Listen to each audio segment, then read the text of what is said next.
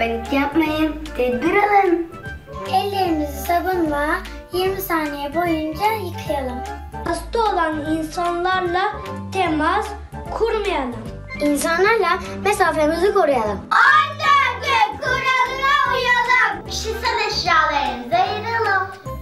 Misafirliğe gitmeyelim. Misafir kabul etmeyelim. Odalarımızı sık sık havalandıralım.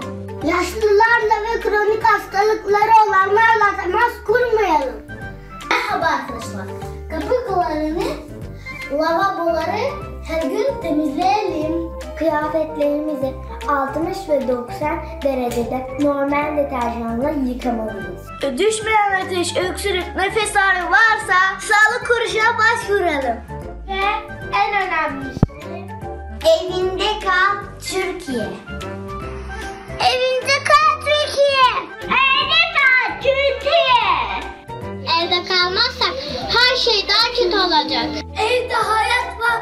Fedakarca çalışan sağlık görevlilerimiz için. Polis ve askerlerimiz için. Dedelerimiz ve ninelerimiz için. Bir an önce okula dönebilmek için. Ülkemiz için, dünyamız için. Benim için, benim için, hepimiz için. Evde kal Türkiye. Hayat eve sığar. Sen dolaştıkça virüs de dolaşıyor. Evde kal Türkiye. Çocuklarınız için evde kal Türkiye. Evde kal Türkiye'm. Evde hayat var. Son 24 saatte bugünün sonuçlarını söylemiş oluyorum. 7533 test yapıldı. Toplamda 47823 test yapılmış oldu. 2069 pozitif vaka tespit ettik. Toplam vaka sayımız 5698 oldu. Bugün kaybettiğimiz 17 kişiyle toplam can kayb- kaybımız 92'yi buldu. Şu an hastanelerimizde tedavisi devam eden hastalarımızdan 344, 344 kişi yoğun bakımdadır. Bunların 241 tanesi entübe durumdadır. 42 hastamız ise iyileşerek taburcu edilmiştir. Buradan da şöyle bir grafiği de ayrıca göstermek istiyorum. Şu an internet sayfamızda bu veriler yayınlanmış durumda. Bundan sonra her gün bu verileri oradan takip edebilirsiniz. Aziz milletimizi bilgilendirmeye devam edeceğiz. Teşekkür ediyorum. Şehirler arası seyahatler bundan böyle valilik iznine bağlanmıştır. Piknik alanları, ormanlar, öğren yerleri gibi alanlar hafta sonları kapalı olacak. Hafta içi de buralarda hiçbir şekilde toplu olarak bir arada bulunulamayacaktır. Yurt dışı uçuşlar tamamen sona erdirilmiştir. Covid-19 salgını nedeniyle yeni ölüm haberleri gelirken, vaka sayısı yükselirken Cumhurbaşkanı Erdoğan bilim kurulu toplantısı sonrası kameraların karşısındaydı. 7 yeni tedbirle, gönüllü karantina çağrısıyla. Kamuda olduğu gibi özel sektörde de minimum personelle esnek çalışma sistemine geçilecektir. Toplu taşıma araçlarında seyrek oturma düzeni uygulanacaktır. Şayet bu tedbirlerin daha ileri noktalara ulaşmasını istemiyorsak gönüllü karantina şartlarına harfiyen riayet etmeliyiz. Yeni tedbirlerin işaret fişeğini İçişleri Bakanı Süleyman Soylu yaktı. Sağlık Bakanı Fahrettin Koca da sıkı tedbirlerin çerçevesini çizdi. En önemli konu sokakta geçirilecek zamana kısıt getirilmesi konusudur. Bu yöndeki öneri en önemli başlıklardan biri olmuştur. Sosyal hareketliliği ve te- teması azaltarak toplum yaşamının yeni bir düzene kavuşması gerekir. Bakanın bu cümleleri Erdoğan'ın bilim kurulundan aldığı tavsiye kararıyla gece 22'de basın açıklaması yapacağının duyurulması, başta İstanbul, Ankara, İzmir gibi bazı illerle sınırlı sokağa çıkma yasağı mı ilan edilecek sorusunu beraberinde getirdi. Tüm illerimizde valilerimizin başkanlığında pandemi kurulu oluşturularak alınan tedbirlerin takibi yapılacak.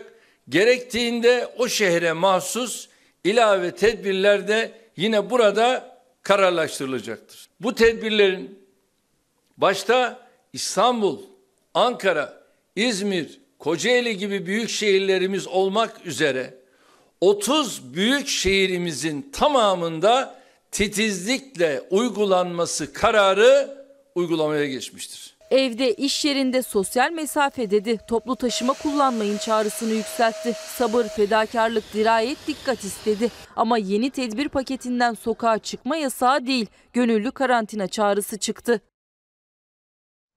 Efendim günaydın. Çalar Saat hafta sonu başlıyor. Ben İlker Karagöz. Bugün 28 Mart 2020 günlerden cumartesi dileğimiz her zamanki gibi güzel bir gün olması. Gecenin en sıcak detaylarını, en sıcak bilgilerini aktardık.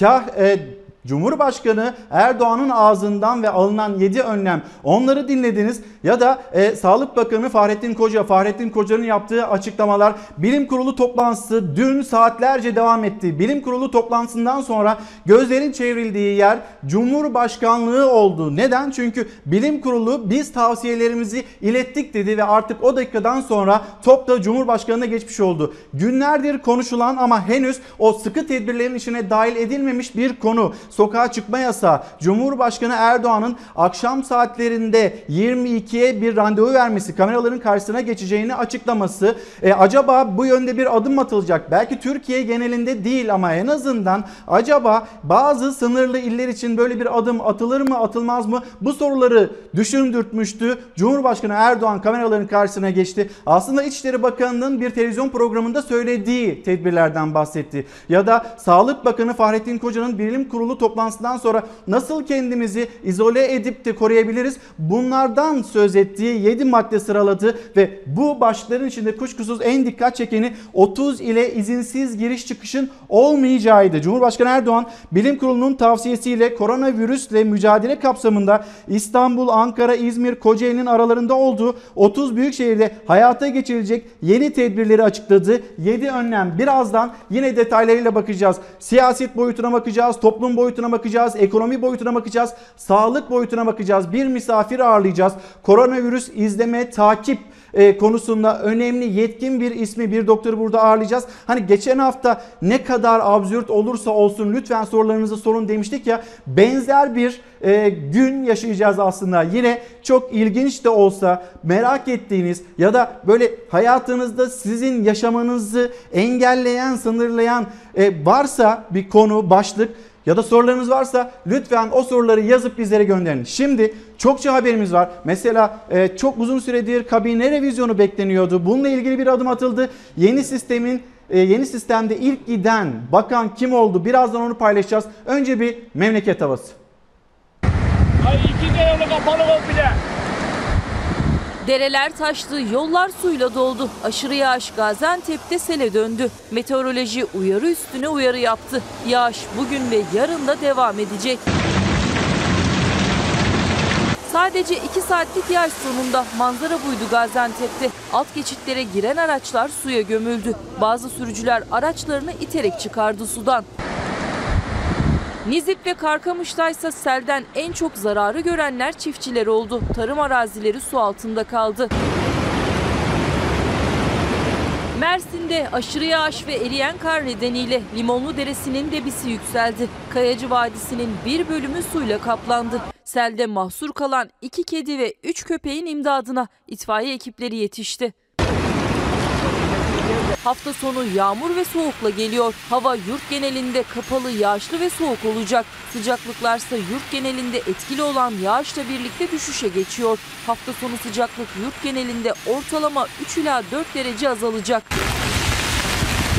Cumartesi günü sadece Karadeniz bölgesi çok bulutlu. Diğer bölgelerin tamamı yağış alacak. Aynı yağışlı hava pazar günü Karadeniz'i de etkisi altına alacak. Yurdun tamamını ıslatacak. Meteoroloji özellikle fazla yağış alacak 3 il için uyarıda bulundu. Adana, Hatay ve Osmaniye'de su baskınlarına karşı dikkatli olunmalı. Özellikle doğuda yağış aralıklarında bulutların arasından güneş de görülebilir. Ancak hava soğuk, güneş aldatmamalı. Çünkü yağışlı hava batıda ve İç Anadolu'da kısa süreliğine etkisini kaybetse de Doğu Anadolu'da hafta ortasına yani çarşambaya kadar sürecek.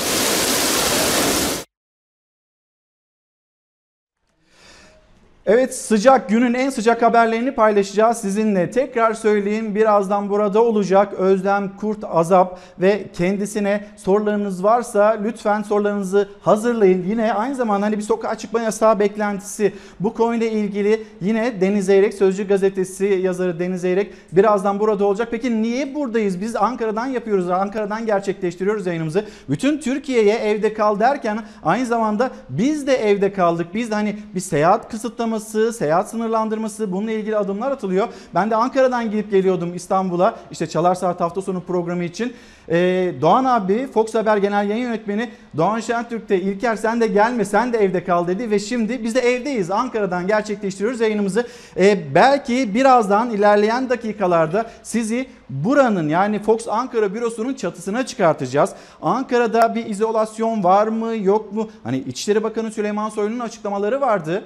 E, diyordu ki Süleyman Soylu İstanbul'da, Ankara'da, İzmir'de %80 oranında bir geri çekilmeyle karşı karşıyayız. Ama Doğu ve Güneydoğu Anadolu illerinde problem var demişti. Fakat bu cümleleri Sağlık Bakanı Fahrettin Koca ile de çelişti.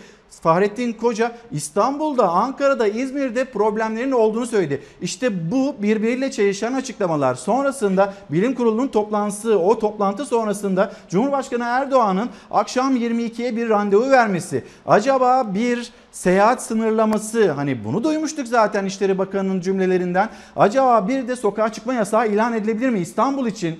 Ankara için, İzmir için belki bu virüsün ilk Türkiye'ye girdiği yer olarak adlandırılan Van, Van'daki sınır kapısı Van şehri için ve yine e, Rize e, şehri Rize'de bir beldenin ve yine o beldeye bağlı dört köyün karantina altında olduğunu biliyoruz.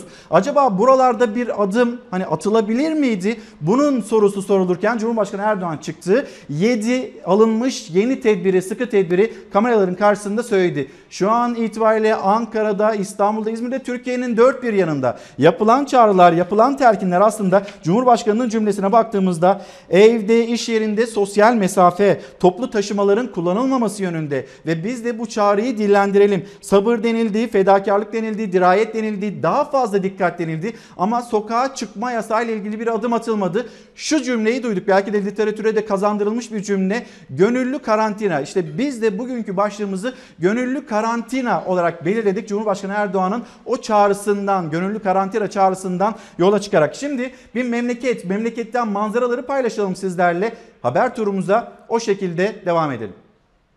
7533 test yapıldı. Toplamda 47823 test yapılmış oldu. 2069 pozitif vaka tespit ettik. Toplam vaka sayımız 5698 oldu. Bugün kaybettiğimiz 17 kişiyle toplam can kayb- kaybımız 92'yi buldu. İlk koronavirüs tanısının konulmasının ardından 18 günü geride bıraktı Türkiye. 26 Mart'ta 16 kişi, son 24 saatte ise 17 kişi hayatını kaybetti. Koronavirüs yüzünden ölenlerin sayısı 92'ye yükseldi. 50 Türk vatandaşı da yurt dışında hayatını kaybetti. Son bir gün içinde 2069 kişiye daha yeni tanı konuldu. Toplam vaka sayısı bu hızlı artışla 5698 oldu. Şu an hastanelerimizde tedavisi devam eden hastalarımızdan 344, 344 kişi yoğun bakımdadır. Bunların 241 tanesi entübe durumdadır. 42 hastamız ise iyileşerek taburcu edilmiştir.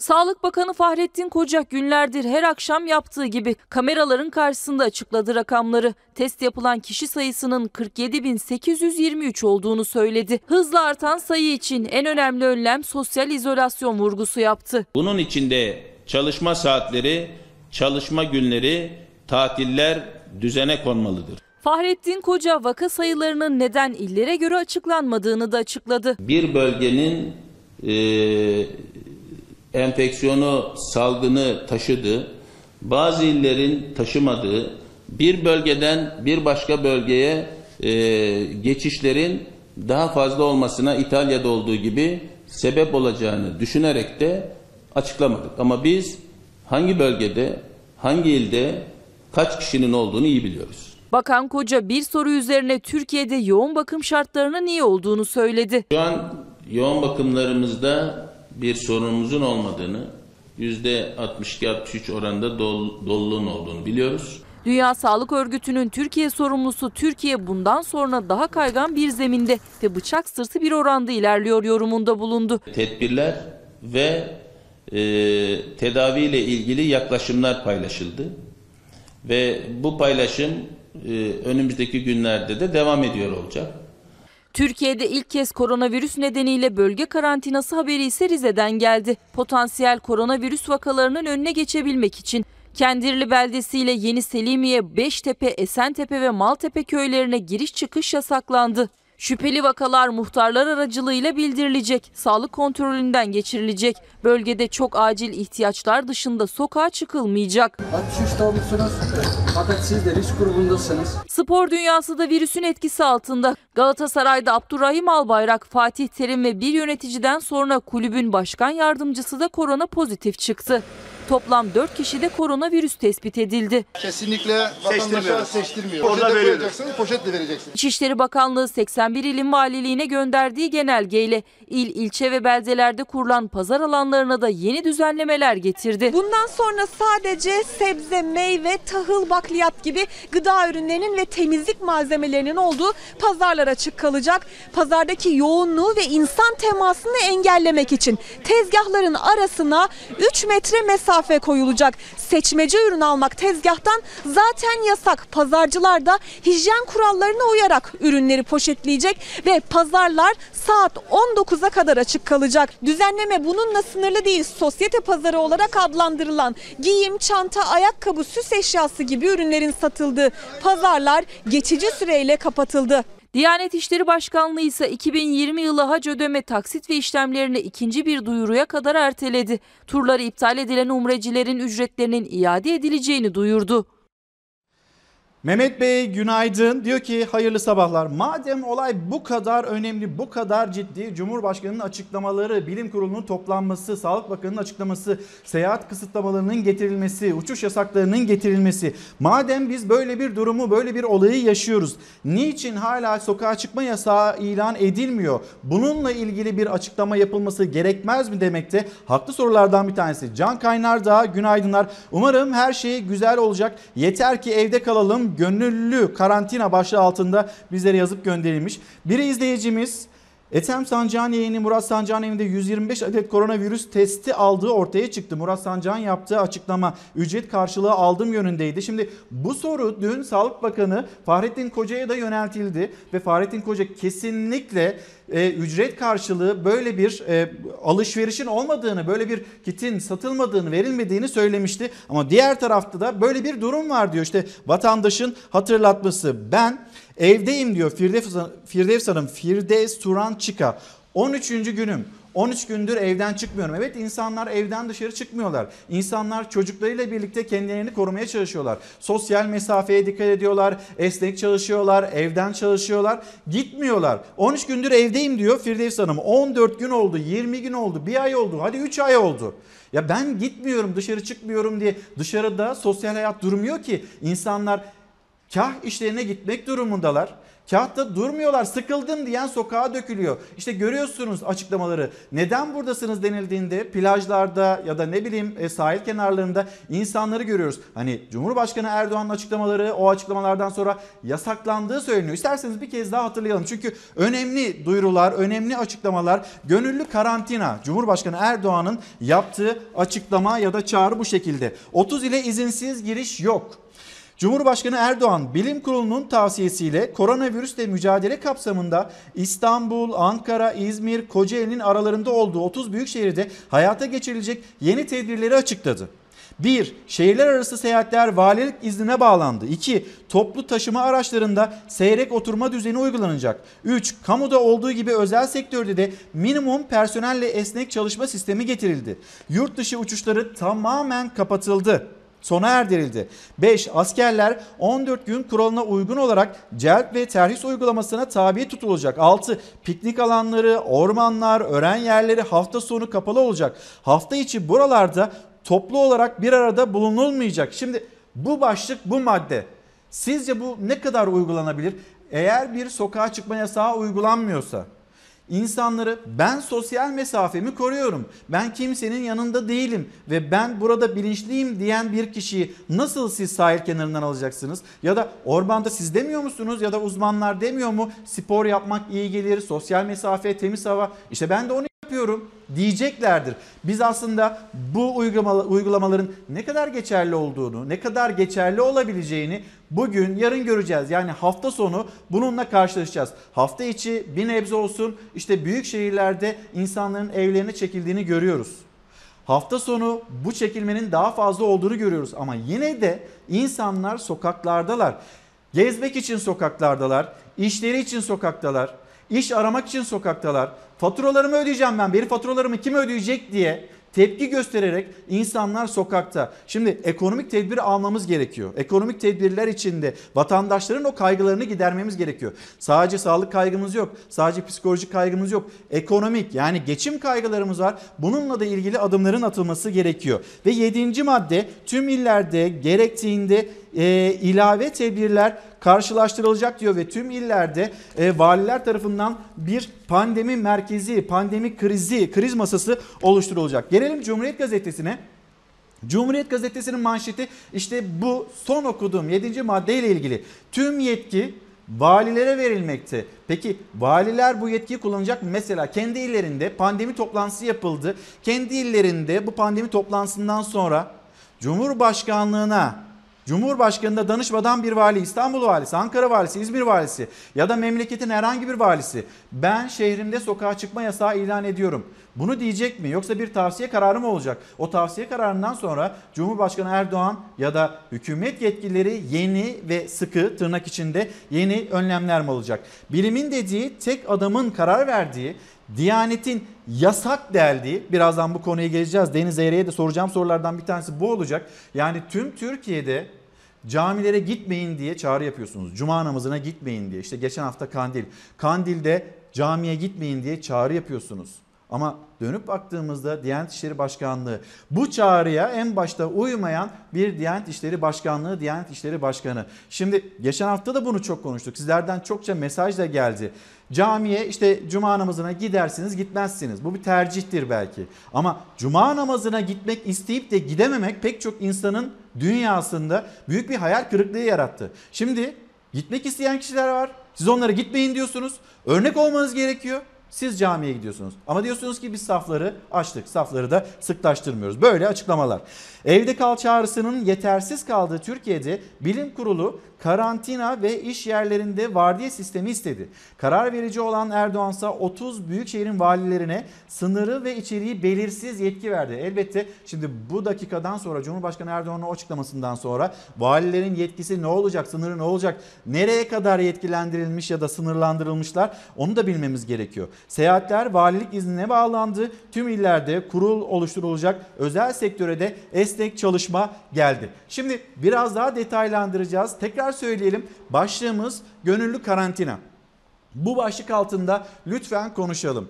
Ee, siyasetteki ve toplumdaki yansımasına bakacağız e, koronavirüs ve hayatımızdaki bu salgın ilk defa karşılaşıyoruz. Hepimiz nasıl davranacağımızı bilmiyoruz kuşkusuz. Ama bize şöyle yapacaksınız diyenlerin de örnek olmasını istiyoruz. Ya da evde oturacaksak benim geçimim bu geçimle ilgili bu kaygılarımla ilgili bir adım atılması gerekmez mi diyen vatandaşı da duymak gerekiyor. Sosyal medyadan bizlere yazıp gönderebilirsiniz. Twitter'dan ve Instagram'dan e, bir kez daha adreslerimizi hatırlatalım. Karagoz İlker Twitter adresim, e, İlker Karagöz e, Fox Instagram adresim adresim. Buralardan bizlere ulaşabilirsiniz ve ben sizi şimdi hemen memlekete götüreyim. Memleketten korona manzaraları.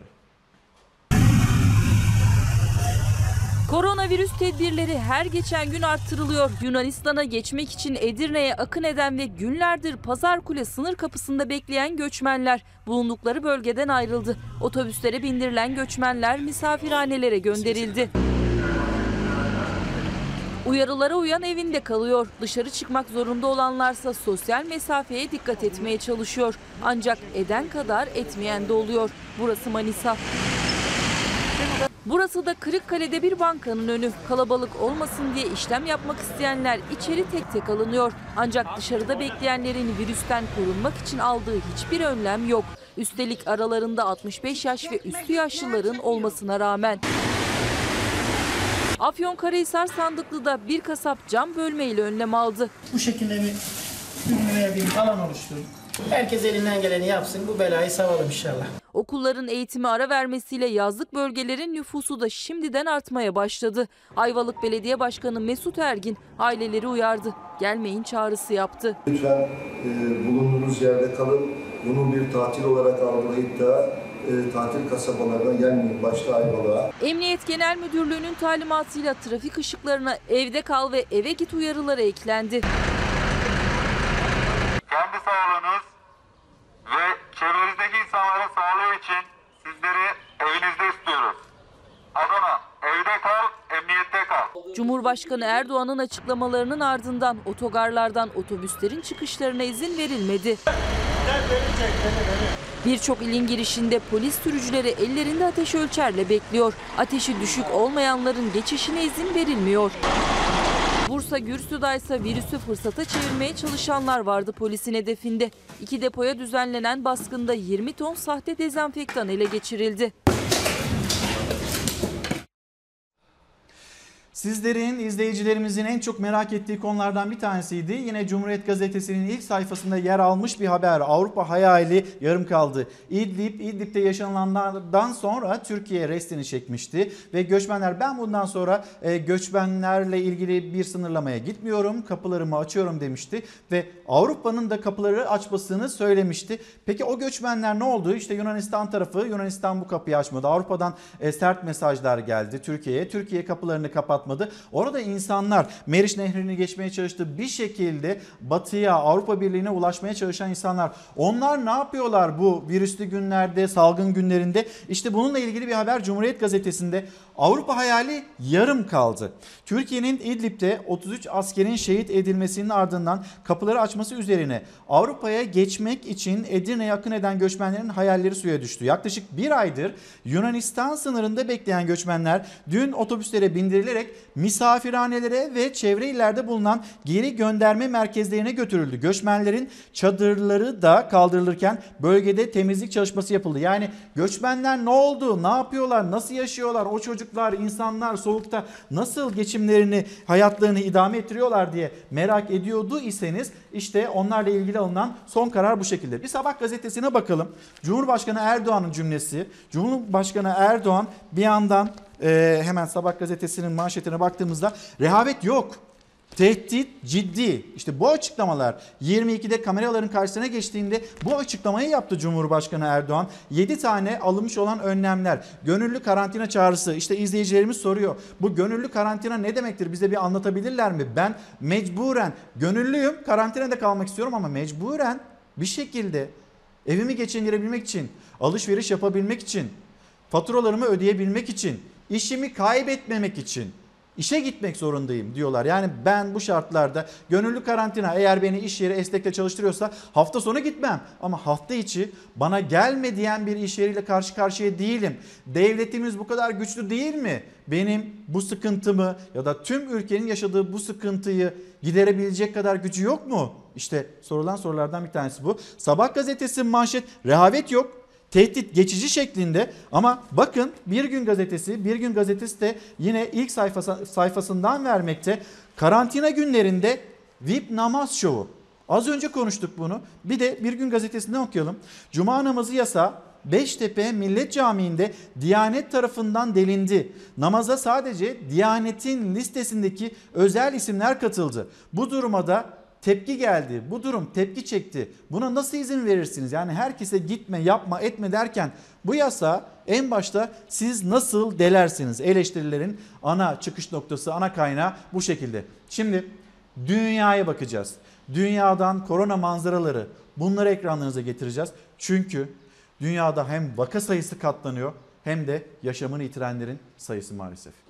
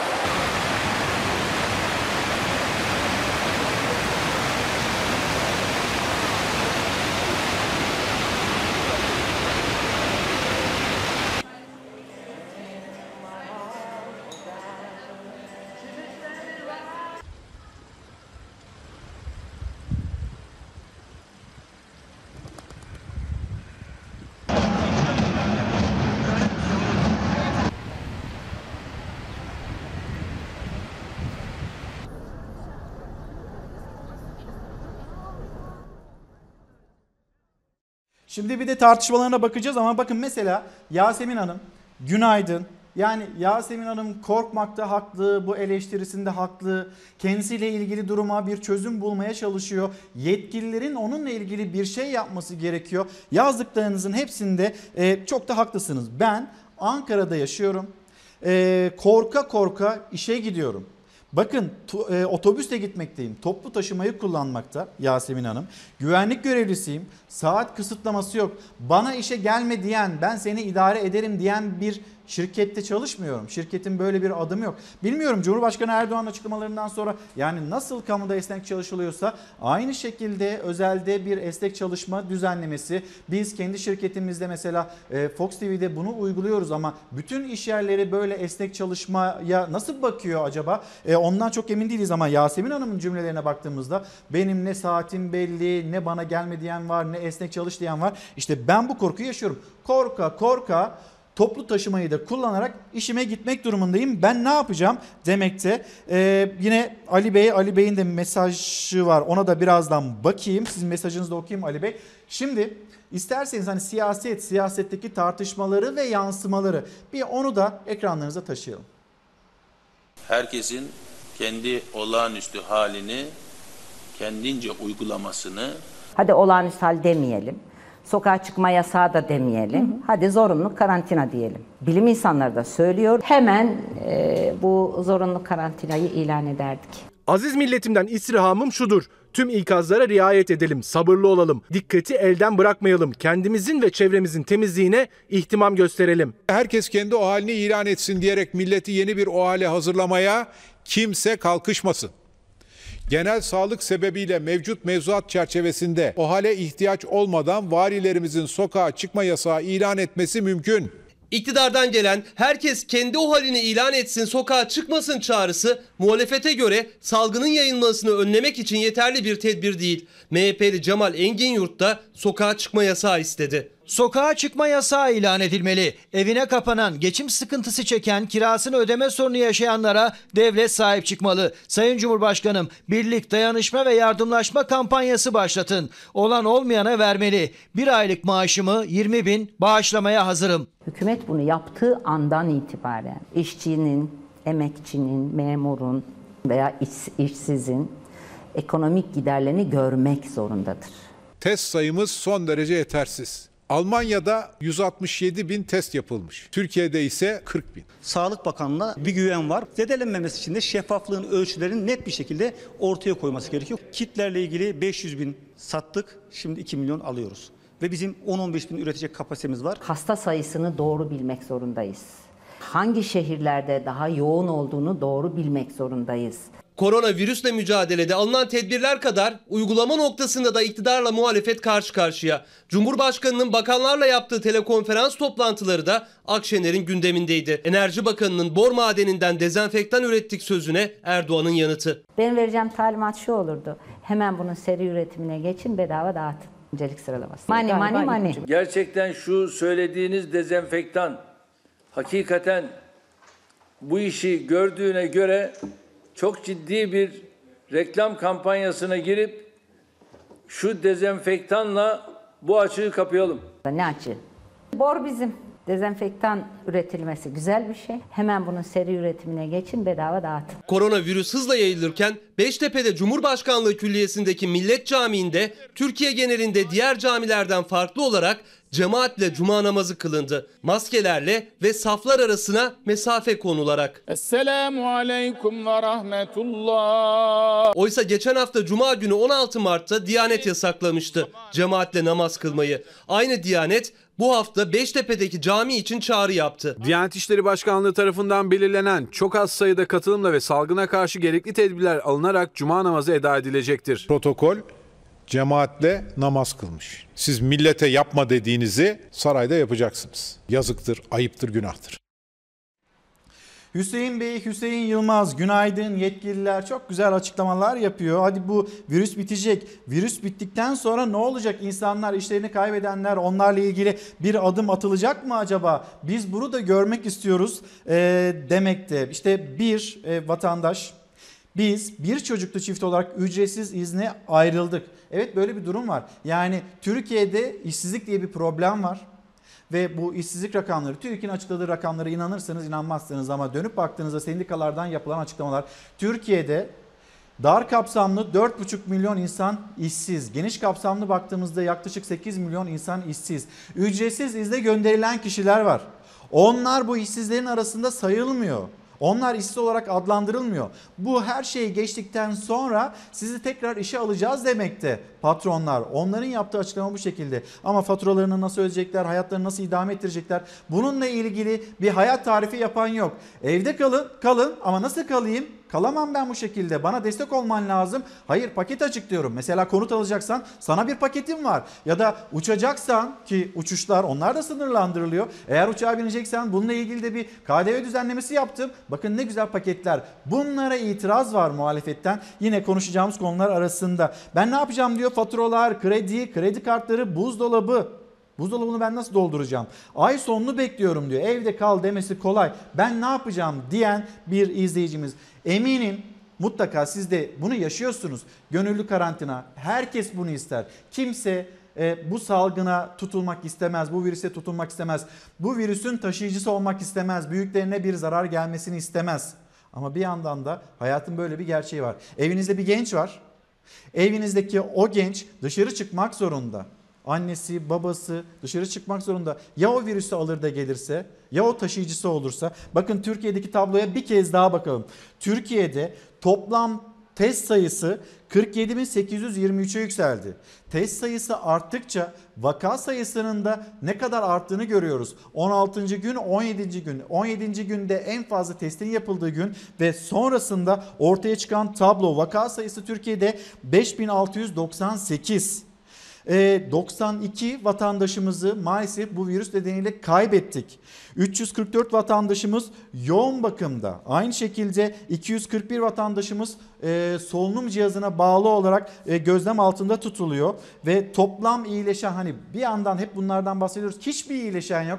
Elbette var. Dünyada var. Dünyada 130 binden fazla kişi bu virüse yakalandı ve düzeldi. Türkiye'de 42 kişinin düzeldiğini söylüyor Sağlık Bakanlığı'nın rakamları ve bugün yapılan test sayısı dedi dün bakan açıkladı 7533 vaka sayısı dün 2069 olarak açıklandı ve dün en fazla can kaybının yaşandığı gün oldu maalesef 17 kişi yaşamını yitirdi. İlk vaka 11 Mart tarihinde açıklanmıştı 11 Mart tarihinden itibaren test sayısı yavaş yavaş kademe kademe arttıkça işte karşımıza bu tablo çıktı. Ve yavaş yavaş biz şunu bilmiyoruz. Mesela Sağlık Bakanlığı, Bilim Kurulu şunu da bize söylemeleri gerekiyor. Üniversite sınavından belki bir çıkarım yapabiliyoruz.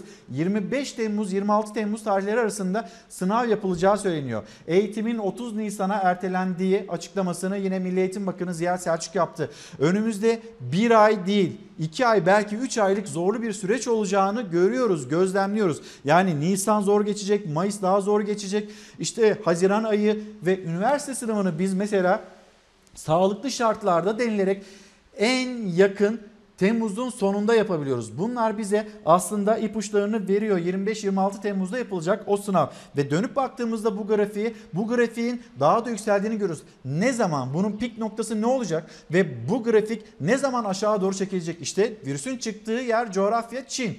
Çin'den yayıldı, işte İran'a geldi. Ondan sonra İtalya Avrupa'daki merkez oldu. İspanya diğer merkez oldu. Şimdi yine coğrafya değiştir, değişti ve birazdan o grafiği de göstereceğiz size. Ne Çin kaldı ne İtalya kaldı. Hepsinin önüne geçen bir ülke Amerika Birleşik Devletleri vaka sayısında. Hepsini konuşacağız ama Türkiye'den siyasetten sıcak bir gelişme var. Cahit Turan hani çok uzun süredir konuşuluyordu. Kabinede bir revizyon beklentisi vardı. Bu revizyon beklentisi hani bugünlerde olmaz diye düşünülüyordu. Ama dün bir kararname Ulaştırma ve Altyapı Bakanı Cahit Turan görevinden alındı. Ortaya konacak her öneri ve düşüncenin ülkemiz ve milletimiz adına hayırlara vesile olmasını diliyorum. Uzun süredir kabinede bir revizyon bekleniyordu. Korona günlerinde geldi ilk değişiklik. Kulislerinde listesinde olan isim Ulaştırma ve Altyapı Bakanı Mehmet Cahit Turhan görevinden alındı. Yerine Cumhurbaşkanı Erdoğan'la yolu İstanbul Büyükşehir Belediye Başkanlığı döneminde kesişen bir isim Adil Kara İsmailoğlu getirildi. Değerli katılımcılar, yardım değil özellikle hizmet diyoruz. Yeni sistemde koltuğunu ilk kaybeden Ulaştırma ve Altyapı Bakanı Mehmet Cahit Turhan eleştirilerin odağında bir isim oldu. Ağır kayıpların yaşandığı kazalarda yeterli önlem almamakla ve açıklamalarıyla hedef tahtasına konuldu. Şahsıma saldırılar oldu. Efendim eleştiriler oldu. Kaza oldu. İhmalimiz var yok bir şey demiyorum. 8 Temmuz 2018 Çorlu tren faciası 25 kişi yaşamını yitirdi. 13 Aralık 2018 sabahındaysa hızlı tren Marşendiz'de kılavuz trenle çarpıştı. 9 kişi öldü. 86 kişi de yaralandı. Bakan o gün trenlerde sinyalizasyon var mı sorusuna bu yanlış bir sorudur demişti. O hat trenlerde sinyalizasyon olmadan açıldı. Sosyal medyayı sallayan cümlesini ise Kanal İstanbul savunmasında kurdu. Üsküdar'dan Beşiktaş'a geçen yeğenim söyledi. Önceden geçen yıl 15 dakikada geçiyorduk. Bu sene yarım saati buluyor e, karşıdan karşıya geçmek. İhmaller, eleştirilen savunmalar Cahit Turan'ı kabinede gidecek ilk isimler listesinde tuttu ve Turhan ilk giden oldu. Yüce Meclisimizi ve aziz milletimizi saygıyla selamlıyorum. Cumhurbaşkanı kararıyla Cahit Turhan'ın görevine son verildi. Yerine Eylül 2019'dan beri yardımcılığını yapan Adil Kara İsmailoğlu getirildi. İstanbul Büyükşehir Belediyesi'nde sinyalizasyon, akıllı trafik sistemleri görevleri üstlenen yeni bakana virüs salgını nedeniyle seyahat sınırlaması getirilen günlerde çok iş düşüyor. Efendim e, emeklilerimiz var. Emeklilerimizden bolca mesaj gelmekte. İşte şu anda evden çıkıyorum sizi dinledim ama evden çıkıyorum işe gitmek zorundayım diyen izleyicilerimiz var. Onların mesajları bolca mesaj geliyor. Gönüllü karantina adı altında başlığı altında sizlerle konuşuyoruz. Sizlerin düşüncesi neyse lütfen e, yazıp gönderin. Bu arada Kanal İstanbul'u unuttunuz mu? Ondan da bahsedin diyenler var. Elbette Kanal İstanbul'u unutmadık. Yani bir tarafta 100 milyarlık hani son açıklanan desteklerle belki 100 milyar lirayı da geçen bir paket, tedbirler paketinden, kalkan paketten söz ediyoruz ama aynı zamanda yine 100 milyar lirayı aşabilecek bir proje devlet özel sektör işbirliğiyle yapılacak. Bugünlerde yani vatandaş benim evde kalmamı istiyorsan beni destekle, benim faturalarımı bari isteme ya da borcum varsa bunu ötele, bunun adımlarını at diyen vatandaş akıl sıra erdiremiyor. 100 milyar lira belki çok daha fazla tutabilecek bir bütçeli proje, dev bir proje, çılgın bir proje. Şimdi bunun sırası mı denilmekte? Bir yandan depremi hatırlatıyor, bir yandan da bütün dünyada çarkları durduran ve ciddi can kayıplarına neden olan koronavirüsü hatırlatıyor. Şimdi bir mola verelim. Döndüğümüzde yine sıcak haberlerle karşınızda olacağız. Efendim bir kez daha günaydın. Çalar Saat hafta sonu devam ediyor ve Sözcü gazetesi yazarı Deniz Zeyrek e, biliyorsunuz her hafta alışıksınız. Misafirimiz aslında misafir diyoruz ama yani sen de ev Evet. sahibisin Deniz abi. Şimdi de Ankara'dayız. Ankara'dan Evet. yapıyoruz yayınımızı. Bu Benim önemli. durduğum yerde duruyorsun. Tamam senin durduğun yerde duruyorum. Ee, biz de evde kaldık. Bizde hani seyahat sınırlandırması var, kısıtlaması var. Ee, Doğan Şentürk, Fox Haber Genel Yayın Yönetmeni'nin işte uyarısı. Oğlum sen de evde kal, sen de gelme dedi. İşte Ankara'dan bu yayınımızı, yayınımızı gerçekleştiriyoruz. Gönüllü karantina efendim. Bugünkü başlığımız Deniz abi Cumhurbaşkanı Erdoğan.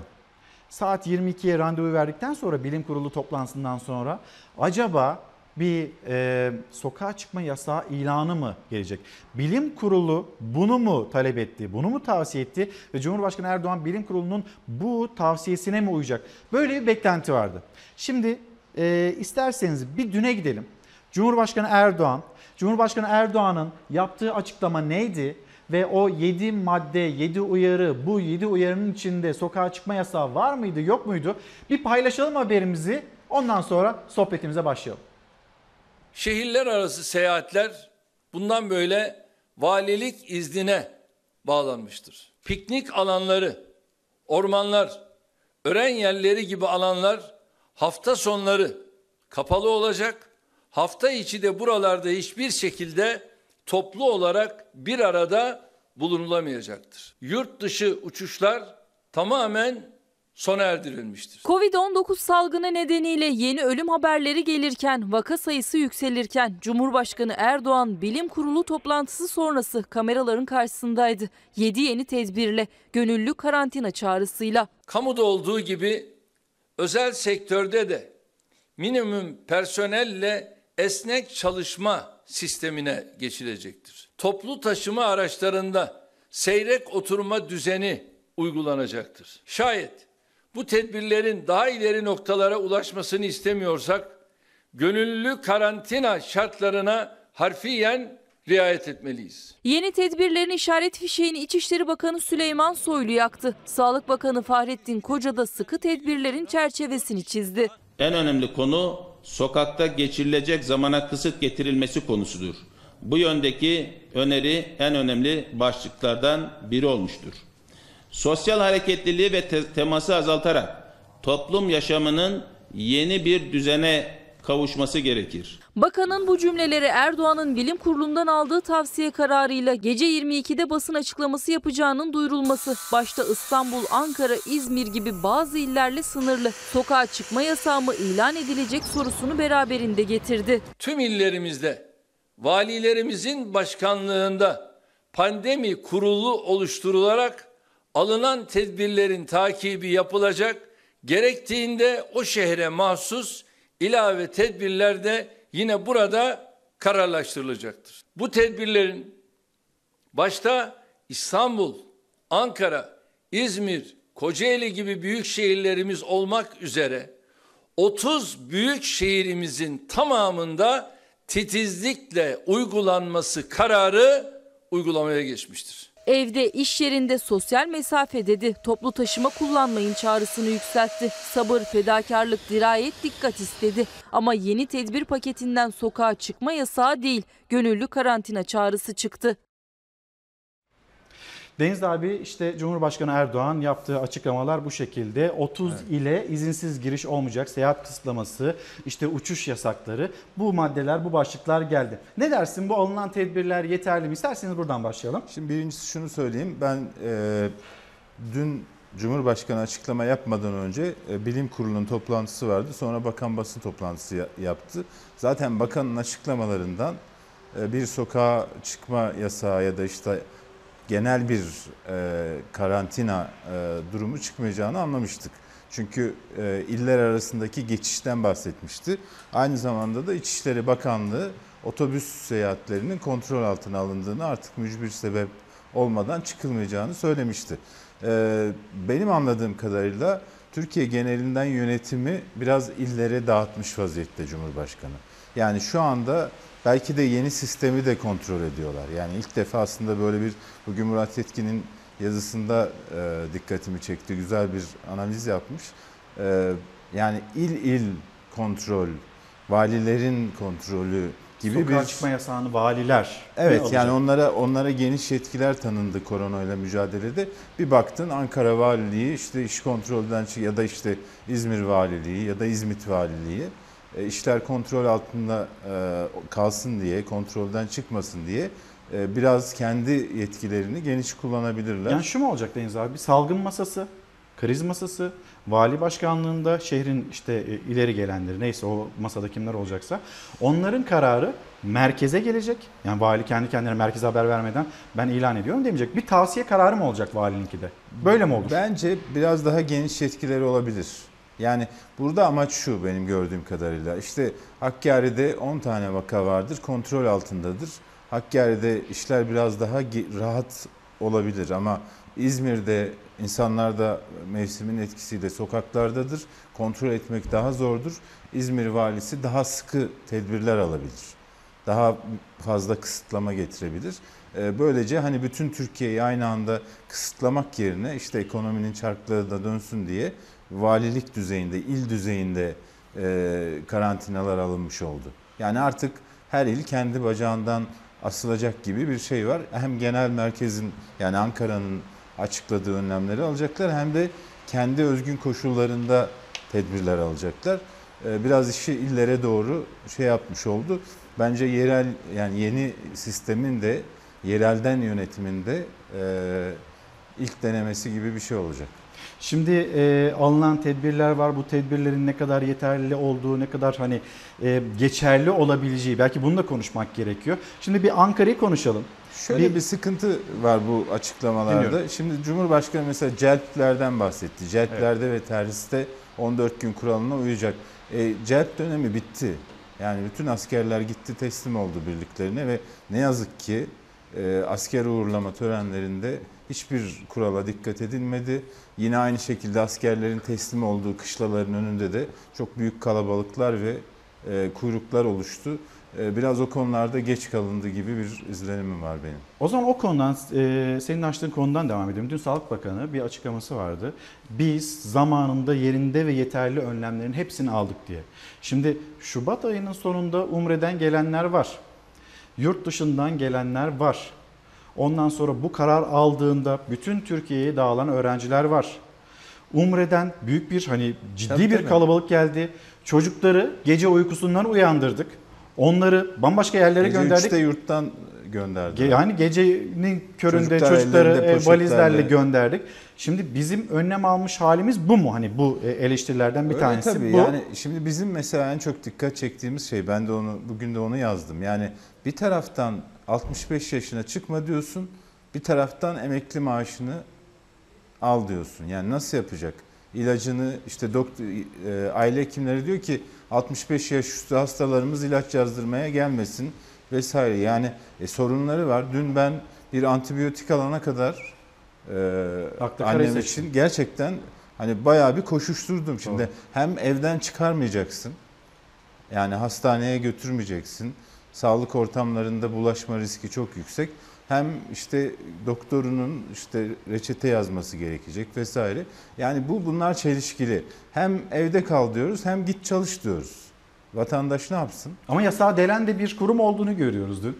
Yani vatandaşa Cuma'ya gitmeyin, Kandil'e gitmeyin deyip hani bu yasağı siz Ya- koydunuz. Hani bu yasak da demeyeyim yani tedbir. Hem de oraya genel itibariyle gidenlere de baktığımızda hani o riskli yaş grubu onlara örnek olmanız gerekirken Ben- bakıyorsunuz Diyanet İşleri Başkanı Cuma namazında. İlker ben çok merak ediyorum orada kimler var? Yani eğer dinde bir seçkinci bakış açısı ortaya koydularsa bu- Özel bir listesi var. İşte ama yani kim seçti, nasıl seçti? Yani din, dinde bu seçkincilik asla kabul edilemez bir şey. Zaten dün Mehmet Metiner'in tweetini gördün mü bilmiyorum. Ee, bir video çekmiş ve çok sert tepki göstermiş. Yani e, diyor ki böyle bir seçkinci yaklaşımı kınıyorum diyor. Çok net bir şekilde söylüyor. Bir, bir taraftan vatandaşa bunu diyeceksin, bir taraftan da bunu yapacaksın. Cemal Engin Yurt diyor ki millete safları sıkılaştıralım diye telkinde bulunuyorsunuz. Kendinizi araya 5 metrafe mesafe koyuyorsunuz. Hayırdır hacı Devam ediyor. Ünlem de koymuş. Cuma millete farz olmaktan çıktı da bir tek size mi farz? Moral böyle verilmez. Bu olsa olsa şaklabanlık olur. Aklımızda dalga geçmeyin. Size tavsiyem evden çıkmayın. Valla ben en çok şunu merak ediyorum. Belki bugün İletişim Başkanlığı bu konuda bir açıklama yapar. Mehmet Metiner'in açıklamasında çünkü ima edilmiş biraz. Sanki Cumhurbaşkanı'ndan habersiz yapıldı. Şimdi nam- Cuma Nasıl? namazının kılındığı cami Millet Camisi. Evet. Yani Beştepe kampüsünün içinde. Orada olan bir şeyin e, Cumhurbaşkanı'na haber verilip verilmediği konusunda kuşkularım var. Yani ben verilmiş olabileceğini düşünüyorum. Verilmiştir Ama diye düşünüyorum. Mehmet Metiner e, aksini iddia ediyor. Eğer Diyanet İşleri Başkanı bu şeyi tamamen kendisi organize etmişse e, bunun bence e, ve Cumhurbaşkanı'nın haberi yoksa ciddi sonuçları olabilir. Bir kez daha altını çizelim o zaman. Yani yönetenler uyarıyorlar. 30 ile izinsiz giriş yok deniliyor. Bir sürü tedbir alınıyor. Sokağa çıkma, evde kanal, kal, e, gönüllü karantinanı kendin sağla bu çağrılar yapılıyor. İşte Diyanet İşleri Başkanlığı, Diyanet İşleri Başkanı dün Millet Camii'nde bir cuma namazı mi? kandil gecesinde özür dilerim Deniz abi. Kandil gecesinde de cuma e, kandil gecesinde de gelmeyin camiye çağrısı. Demezler mi? Madem bu mümkün, madem sosyal mesafe koyarak cuma e, kılmayı mümkün hale getiriyorsunuz, diğer camilerde niye yapmadınız? Madem Beştepe'deki camide, Millet Camisi'nde siz bunu yapabiliyorsunuz, başka Müslümanların günahı ne? Derler dediler de. Yani seçkincilik bak en tehlikeli sonuç. Dinde seçkincilik işi başlarsa e, gerçekten yani Müslüman bir ülkede yaşıyoruz. Çok büyük tepki çeker. Yani burada Diyanet İşleri Başkanı'nın e, bu eleştirilere ciddi bir yanıt vermesi gerektiğini düşünüyorum. E, ayrıca Cumhurbaşkanı'nın bilgisi dahilinde yani bilgisi olmadan bunu yapmışlarsa onun zaten ciddi sonuçları olacaktır. Deniz abi iki haberim var. Bir tanesi ekonomiye dair. Onu bir paylaşalım. Sonra yerele döneceğiz. Önce ekonomi. Kişi başına 500 lira her ay vermelisiniz. 83 milyon kişiye 1000 TL yardım yapılmalıdır. Sarayın 1 milyon 800 bin yoksul aile için tüm bir yıl boyunca ayırdığı para sadece 2 milyar Türk lirası. Yani hane başına 1100 lira ediyor. Cumhurbaşkanı Erdoğan'ın koronavirüs salgınına karşı ekonomik istikrar kalkanı adıyla açıkladığı 100 milyar liralık paketi tartışıyor siyaset. Muhalefet paket vatandaşa dokunmuyor dedi. Evde kalması istenen hane halkı için doğrudan nakit yardım yapılmasını önerdi. Süratle bir aile yardımları sigortası yasası çıkarılmalı. Her yoksul aileye asgari 2000 liralık gelir güvencesi sağlanmalı. Kişi başına 500 lira. Yani 4 kişilik bir ailesi 2000, 5 kişilik bir aile ise 2500 lira vermek zorundasın. İşi var yok. Gelir düzeylerine bakılmaksızın her TC kimlikli kişiye 1000 Türk lirası nakdi destek sağlanmalıdır. Patronlar Kulübü TÜSİAD'dan da dikkat çeken bir açıklama geldi. Dünya Gazetesi'ne konuşan TÜSİAD Başkanı Kaslovski, kriz karşısında açıklanan ekonomik istikrar paketinin tek başına yeterli olmayabileceğini söylerken istihdam vurgusu yaptı. Dar gelirli ailelere doğrudan nakdi yardım önerisini dile getirdi. Doğrudan hane halkına transfer de bu bağlamda gündeme gelebilir. Amerika bunu yapıyor. Hong Kong ve Güney Kore'de yapıldı. Ayrıca hastalık nedeniyle ya da pozitif vaka olması şüphesiyle izole edilme amaçlı karantina altına alınan kişilere nakit destekleri verilebiliyor. Tüm dünya liderleri vatandaşlarına siz parayı düşünmeyin, sağlığınızı düşünün diyor. Bizdeki iktidar vatandaşlarımız değil ama bir avuç yandaşın cebini doldurmayı düşünüyor. Müşteri garantisi verilmiş yollar, havaalanları, tünellerimiz var. Hadi bakalım bu arkadaşlar çok kazandı. Onlar birazcık fedakarlık etsin. 3 ay boyunca bunlara para ödenmesin. İyi Parti lideri Meral Akşener anlayan anlar imasıyla iktidara bir de uyarı mesajı gönderdi. İktidarda bulunmuş bir partinin içinden geliyorum. Anlayanlar anladı. Sakın ola ki sermaye kontrolü konusuna girmeyesiniz. Ekonomiden sorumlu bakan Türkiye'nin IMF'lik bir durumu olmadığını açıkladı.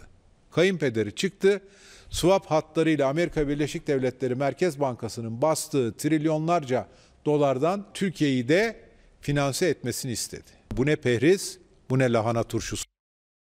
İşin şimdi bir de geçim boyutu var. Vatandaş hadi evde kalın, kalayım. Nasıl kalacağım diyor. İşe gitmek zorundayım. Tabii. E, ücretsiz izne gönderilenler var. İşsizler için de sayılmıyor.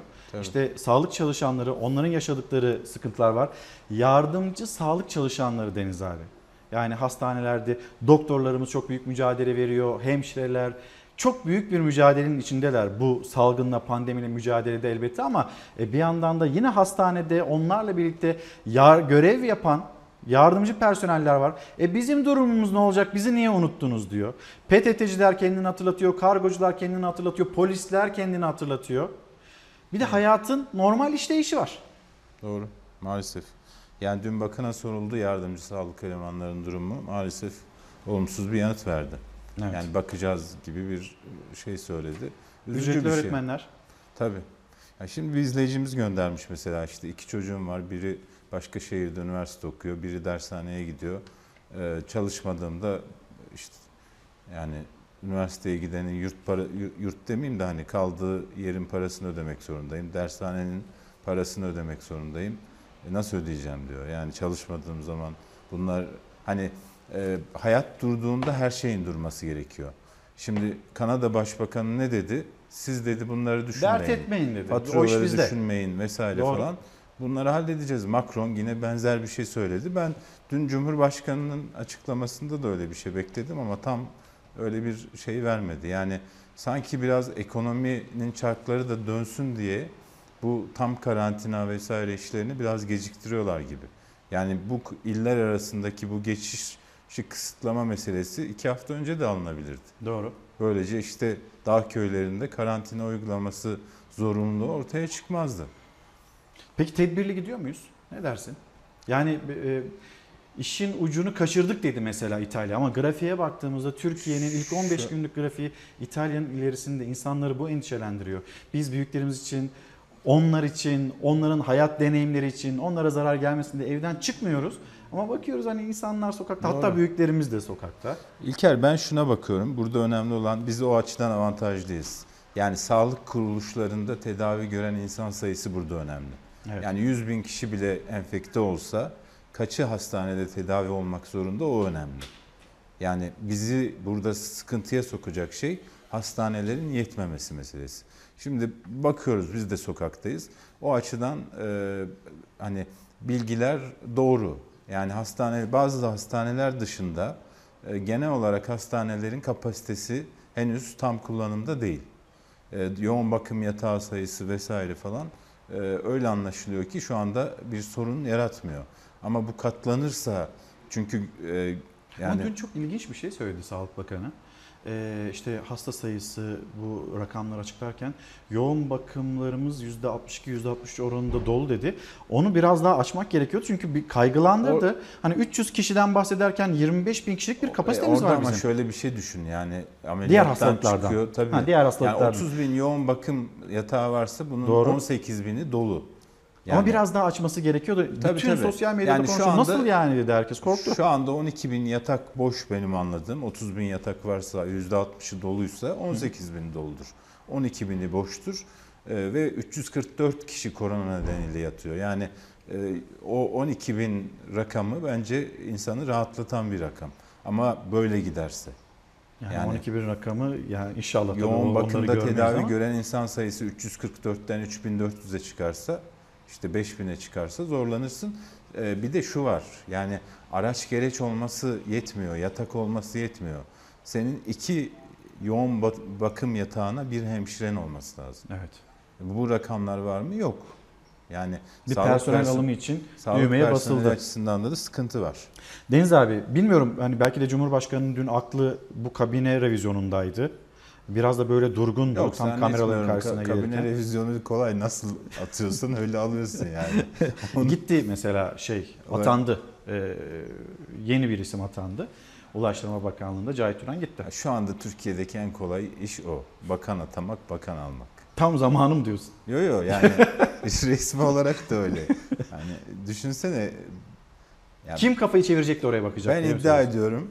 e, Ulaştırma Bakanı da kararı resmi gazetede yayınlandığı anda öğrendi. İddia mı bilgi mi? 0212. 0212. Evet. Ee, Ankara'da kalalım.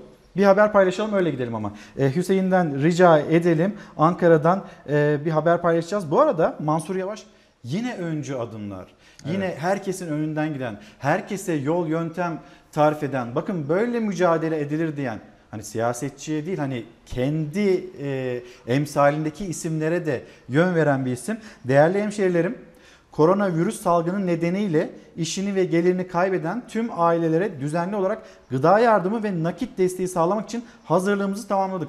Ankara yerelinde bir belediye başkanı ben bunu yaptım diyor. Biz hazırlığımızı tamamladık Tabii, tabii. diyor. Tarım Bakanlığı'na sesleniyor. Sizden destek bekliyoruz diyor. Pazartesi günü tüm detaylarıyla duyuracağız. Gün dayanışma günüdür. Doğru. Bu günleri aşacaksak bir dayanışma halinde e, aşacağız. Bir haftadır ben şahidim.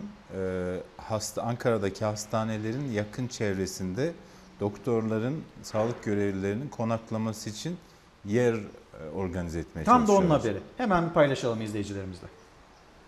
Bugün itibariyle Et Süt Kurumu'nun depoları ağzına kadar et dolu. Tarım ve Ormancılık Bakanı Sayın Bekir Pakdemirli'ye de çağrıda bulunmak istiyorum. Bedava değil ama belediyelere ucuz miktara verdiği takdirde biz bunu değerlendirerek dağıtmak istiyoruz. Tarım Bakanı gıda tedarikinde sıkıntı yok depolar et dolu dedi. Bakanı duyan Ankara Büyükşehir Belediye Başkanı harekete geçti. Bize satın biz de halka dağıtalım çağrısıyla. Et ithalatını biz sıfırladık. Yani 2019 yılında 5000 tondur. Türkiye 1 milyon ton yiyor. Daha önceden ithal edilmiş ve et balık kurumunun stoklarında bulunan 60 bin ton civarındaki eti biz bunu dağıtmak istiyoruz. Ankara Büyükşehir Belediye Başkanı Mansur Yavaş korona önlemleri çerçevesinde halka doğrudan ulaşmak için atılan adımları duyurdu. 150 bin aileye yardım yapıldığını, korona günlerinde sayıyı artıracaklarını açıkladı. 500 bin aileye yetecek kadar gıda stokumuzla hazır bulunuyoruz. Tarım Bakanı Bekir Pakdemirli'nin et stokları ile ilgili açıklamasından sonra Mansur Yavaş bu kez de et için düğmeye bastı. Komşusu açken tok yatan bizden değildir. Tarım ve Ormancılık Bakanı Sayın Bekir Pakdemirli'ye de çağrıda bulunmak istiyorum. Bedava değil ama ucuz miktara verdiği takdirde biz bunu değerlendirerek dağıtmak istiyoruz. Sadece gıda konusu değil, sağlık çalışanları için de Ankara Büyükşehir Belediyesi'nden adım üstüne adım geldi. Önce Hacettepe'de görev yapan sağlık çalışanları için 100 kişilik yurt kiralandı. Hacettepe'deki sağlık çalışanları için yurda ulaşmakta çok kolay, sadece birkaç dakikalık yürüme mesafesinde. Sağlık çalışanları için dezenfekte edilmiş odalar 2 kişilik ama yataklar yerleştirilirken sosyal mesafeye dikkat edilmiş. En önemlisi de her odada kendisine ait bir tuvalet banyo var. Bilkent Şehir Hastanesi önüne ise konteynerler hazırlandı. Ekipler altyapı çalışmalarına hızlıca başladılar. Bir haftada yapılması planlanan konteynerler ilk etapta birer kişilik odalarda 40 kişilik olacak. Ondan sonraki haftaysa bir 20 kişilik oda daha yapılacak. Amaç koronayla mücadelenin ön saflarındaki sağlık görevlilerinin imkanlarının rahatlatılması ve izolasyonları. Mansur Yavaş bir duyuruda virüsle mücadele günlerinde işini ve gelirini kaybedenlere yaptığı gıda ve nakit desteği için hazırlıkların tamamlandığını hafta başında detayları açıklayacağını söyledi. Mansur Yavaş'ın aldığı tedbirler, önlemler bu şekilde. Bu arada izleyicilerimiz yazıyor. Deniz Bey hani Cahit Turan'la ilgili e, 0212 hani neden bahsediyor diyor. 0212 e, res- Öğrendiği saat olarak. Ha, saat olarak verdiniz. Resmi gazetede yayınlanma anı. Yani ben bakanın o saatte e, o anda öğrendiğini düşünüyorum. Biraz aç- açar mısın Deniz Ya abi? şöyle bir şey var aslında ge- göstere göstere geldi yani. Bir en son bir il başkanları toplantısı vardı galiba. Ee, orada bir gerilim yaşanmıştı. İşte bir meşhur bir müteahhitin bir işiyle ilgili bir sorun yaşanıyormuş. Cumhurbaşkanı kendisine sormuş haberin var mı diye. Yok demiş. O zaman git bak demiş. Hatta sonra bir Ulaştırma Bakanlığı da ilgilendiren bir tören vardı. O törende Ulaştırma Bakanı yoktu çünkü o saatte e, yani o anda bahsedilen işi görmeye gitmişti, gönderilmişti yani. Daha sonra İzmir'de mesela bir açılış yapıldı. Cumhurbaşkanı o, o açılıştan sonra Binali Yıldırım'la e, arabaya binip gitti. Kendisi yoktu orada yine. E, böyle bir e, gerilimli şey vardı ama bardağı taşıran anladığım kadarıyla dünkü ihale oldu. Hani e, Kanal İstanbul'la İstanbul ilgili bazı köprülerin Ya taşınması Deniz abi böyle bir şey olur mu ya? Böyle bir şey olur mu? Yani 100 milyar liralık paket vatandaş bana değmiyor diyor. Diğer taraftan ellerinde böyle eldivenler, maskeli insanlar bir e, komisyon kurulmuş. ihale komisyonu. Ne kaçırıyorsunuz değil Ya mi? şimdi zamanı mı? Şimdi olur mu? Ee, hani bilmiyorum Kanal İstanbul belki bardağı taşıran o görüntüdür dediğin gibi. Ama biz Torlu, Çorlu tren faciasını yaşadık. İnsanlarımızı olmadı. kaybettik. Hiçbir şey olmadı. Ee, Ankara'da hızlı tren faciası 9 vatandaşımızı yitirdik. 100'e yakın insan yaralandı. Gazeteciler soru sordu. Sinyalizasyon var mı efendim diye. Bu doğru soru değildir dedi. Biz sinyalizasyon olmadığını Ulaştırma Bakanı'nın o cümlesinden öğrendik. Orada da bir şey olmadı. Kanal İstanbul'la ilgili yeğenim söyledi. Ben Üsküdar Beşiktaş arasında gidip gelirken 15 25 dakikaydı geçen sene. Şimdi oldu 30 dakika. Nasıl olur böyle bir şey? Yeğeninden öğreniyor hani böyle bir o boğaz trafiğini. Orada da bir şey olmadı. Şimdi mi? Evet. Böyle işte siyaset böyle bir şey. Ama dediğim gibi yani göstere göstere geldi. Ee, Bir takım anlaşmazlıklar da vardı. Partinin güçlü isimleriyle arasında sorunlar vardı. Ee, O da bu sonuçla e, karşılaşmasına neden oldu. Ama kesin olan bir şey var. Artık Türkiye'de böyle bir bakanın gelmesi de gitmesi de e, Sayın Cumhurbaşkanı'nın iki dudağının arasında ve çok kolay yani. Ve sürprizler dolu. Hem e, vatandaş için hem de o koltukta oturanlar için. Tabii, tabii. Kabine içinde ilk koltuğunu kaybeden kişi Ulaştırma Bakanı Cahit Duran oldu. Deniz abi yarın da sohbetimize devam edeceğiz. Ankara'dan yayınlarımızı sürdüreceğiz bu arada. Hani evde kalıyoruz.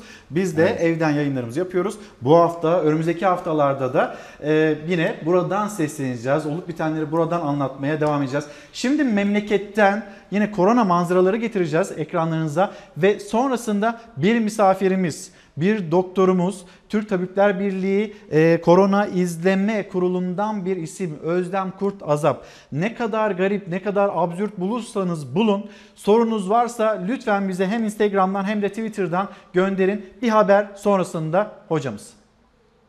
7533 test yapıldı. Toplamda 47823 test yapılmış oldu. 2069 pozitif vaka tespit ettik. Toplam vaka sayımız 5698 oldu. Bugün kaybettiğimiz 17 kişiyle toplam can kayb- kaybımız 92'yi buldu. İlk koronavirüs tanısının konulmasının ardından 18 günü geride bıraktı Türkiye. 26 Mart'ta 16 kişi, son 24 saatte ise 17 kişi hayatını kaybetti. Koronavirüs yüzünden ölenlerin sayısı 92'ye yükseldi. 50 Türk vatandaşı da yurt dışında hayatını kaybetti. Son bir gün içinde 2069 kişiye daha yeni tanı konuldu. Toplam vaka sayısı bu hızlı artışla 5698 oldu. Şu an hastanelerimizde tedavisi devam eden hastalarımızdan 344, 344 kişi yoğun bakımdadır. Bunların 241 tanesi entübe durumdadır. 42 hastamız ise iyileşerek taburcu edilmiştir. Sağlık Bakanı Fahrettin Koca günlerdir her akşam yaptığı gibi kameraların karşısında açıkladı rakamları. Test yapılan kişi sayısının 47.823 olduğunu söyledi. Hızla artan sayı için en önemli önlem sosyal izolasyon vurgusu yaptı. Bunun içinde çalışma saatleri, çalışma günleri, tatiller düzene konmalıdır. Fahrettin Koca vaka sayılarının neden illere göre açıklanmadığını da açıkladı. Bir bölgenin e, enfeksiyonu, salgını taşıdığı, bazı illerin taşımadığı, bir bölgeden bir başka bölgeye e, geçişlerin daha fazla olmasına İtalya'da olduğu gibi sebep olacağını düşünerek de açıklamadık. Ama biz hangi bölgede, hangi ilde kaç kişinin olduğunu iyi biliyoruz. Bakan Koca bir soru üzerine Türkiye'de yoğun bakım şartlarının iyi olduğunu söyledi. Şu an yoğun bakımlarımızda bir sorunumuzun olmadığını, %62-63 oranında dol, doluluğun olduğunu biliyoruz. Dünya Sağlık Örgütü'nün Türkiye sorumlusu Türkiye bundan sonra daha kaygan bir zeminde ve bıçak sırtı bir oranda ilerliyor yorumunda bulundu. Tedbirler ve e, tedaviyle ilgili yaklaşımlar paylaşıldı. Ve bu paylaşım e, önümüzdeki günlerde de devam ediyor olacak. Türkiye'de ilk kez koronavirüs nedeniyle bölge karantinası haberi ise Rize'den geldi. Potansiyel koronavirüs vakalarının önüne geçebilmek için Kendirli beldesiyle Yeni Selimiye, Beştepe, Esentepe ve Maltepe köylerine giriş çıkış yasaklandı. Şüpheli vakalar muhtarlar aracılığıyla bildirilecek, sağlık kontrolünden geçirilecek. Bölgede çok acil ihtiyaçlar dışında sokağa çıkılmayacak. 63 doğumlusunuz fakat siz de risk grubundasınız. Spor dünyası da virüsün etkisi altında. Galatasaray'da Abdurrahim Albayrak, Fatih Terim ve bir yöneticiden sonra kulübün başkan yardımcısı da korona pozitif çıktı. Toplam 4 kişide koronavirüs tespit edildi. Kesinlikle vatandaşa seçtirmiyor. Orada Poşete koyacaksınız, poşetle vereceksiniz. İçişleri Bakanlığı 81 ilin valiliğine gönderdiği genelgeyle il, ilçe ve beldelerde kurulan pazar alanlarına da yeni düzenlemeler getirdi. Bundan sonra sadece sebze, meyve, tahıl, bakliyat gibi gıda ürünlerinin ve temizlik malzemelerinin olduğu pazarlar açık kalacak. Pazardaki yoğunluğu ve insan temasını engellemek için tezgahların arasına 3 metre mesafe koyulacak. Seçmece ürün almak tezgahtan zaten yasak. Pazarcılar da hijyen kurallarına uyarak ürünleri poşetleyecek ve pazarlar saat 19'a kadar açık kalacak. Düzenleme bununla sınırlı değil. Sosyete pazarı olarak adlandırılan giyim, çanta, ayakkabı, süs eşyası gibi ürünlerin satıldığı pazarlar geçici süreyle kapatıldı. Diyanet İşleri Başkanlığı ise 2020 yılı hac ödeme taksit ve işlemlerini ikinci bir duyuruya kadar erteledi. Turları iptal edilen umrecilerin ücretlerinin iade edileceğini duyurdu. Efendim bir kez daha günaydın. Az önce de söylemiştim bir misafirimiz olacak diye ne kadar garip olursa olsun lütfen sorularınızı sorun. Çünkü artık nereye dokunacağımızı, nasıl adım atacağımızı, ne yapacağımızı bilemez durumdayız. Özlem Kurt Azap Başkent Üniversitesi'nden ama aynı zamanda Türk Tabipler Birliği Korona İzleme Kurulu'ndan bir isim şu anda yanımızda. Günaydın. Günaydın. Hoş geldiniz. Şimdi e, sokağa bakıyoruz. Ankara'da gelirken işte buraya gelirken de gördünüz, gözlemlediniz. Biraz çekilme var sokakta. Evet. Ama yeterli mi? Mesela dün bilim kurulu bir toplantı gerçekleştirdi. Sonra kameraların karşısına geçti Cumhurbaşkanı Erdoğan.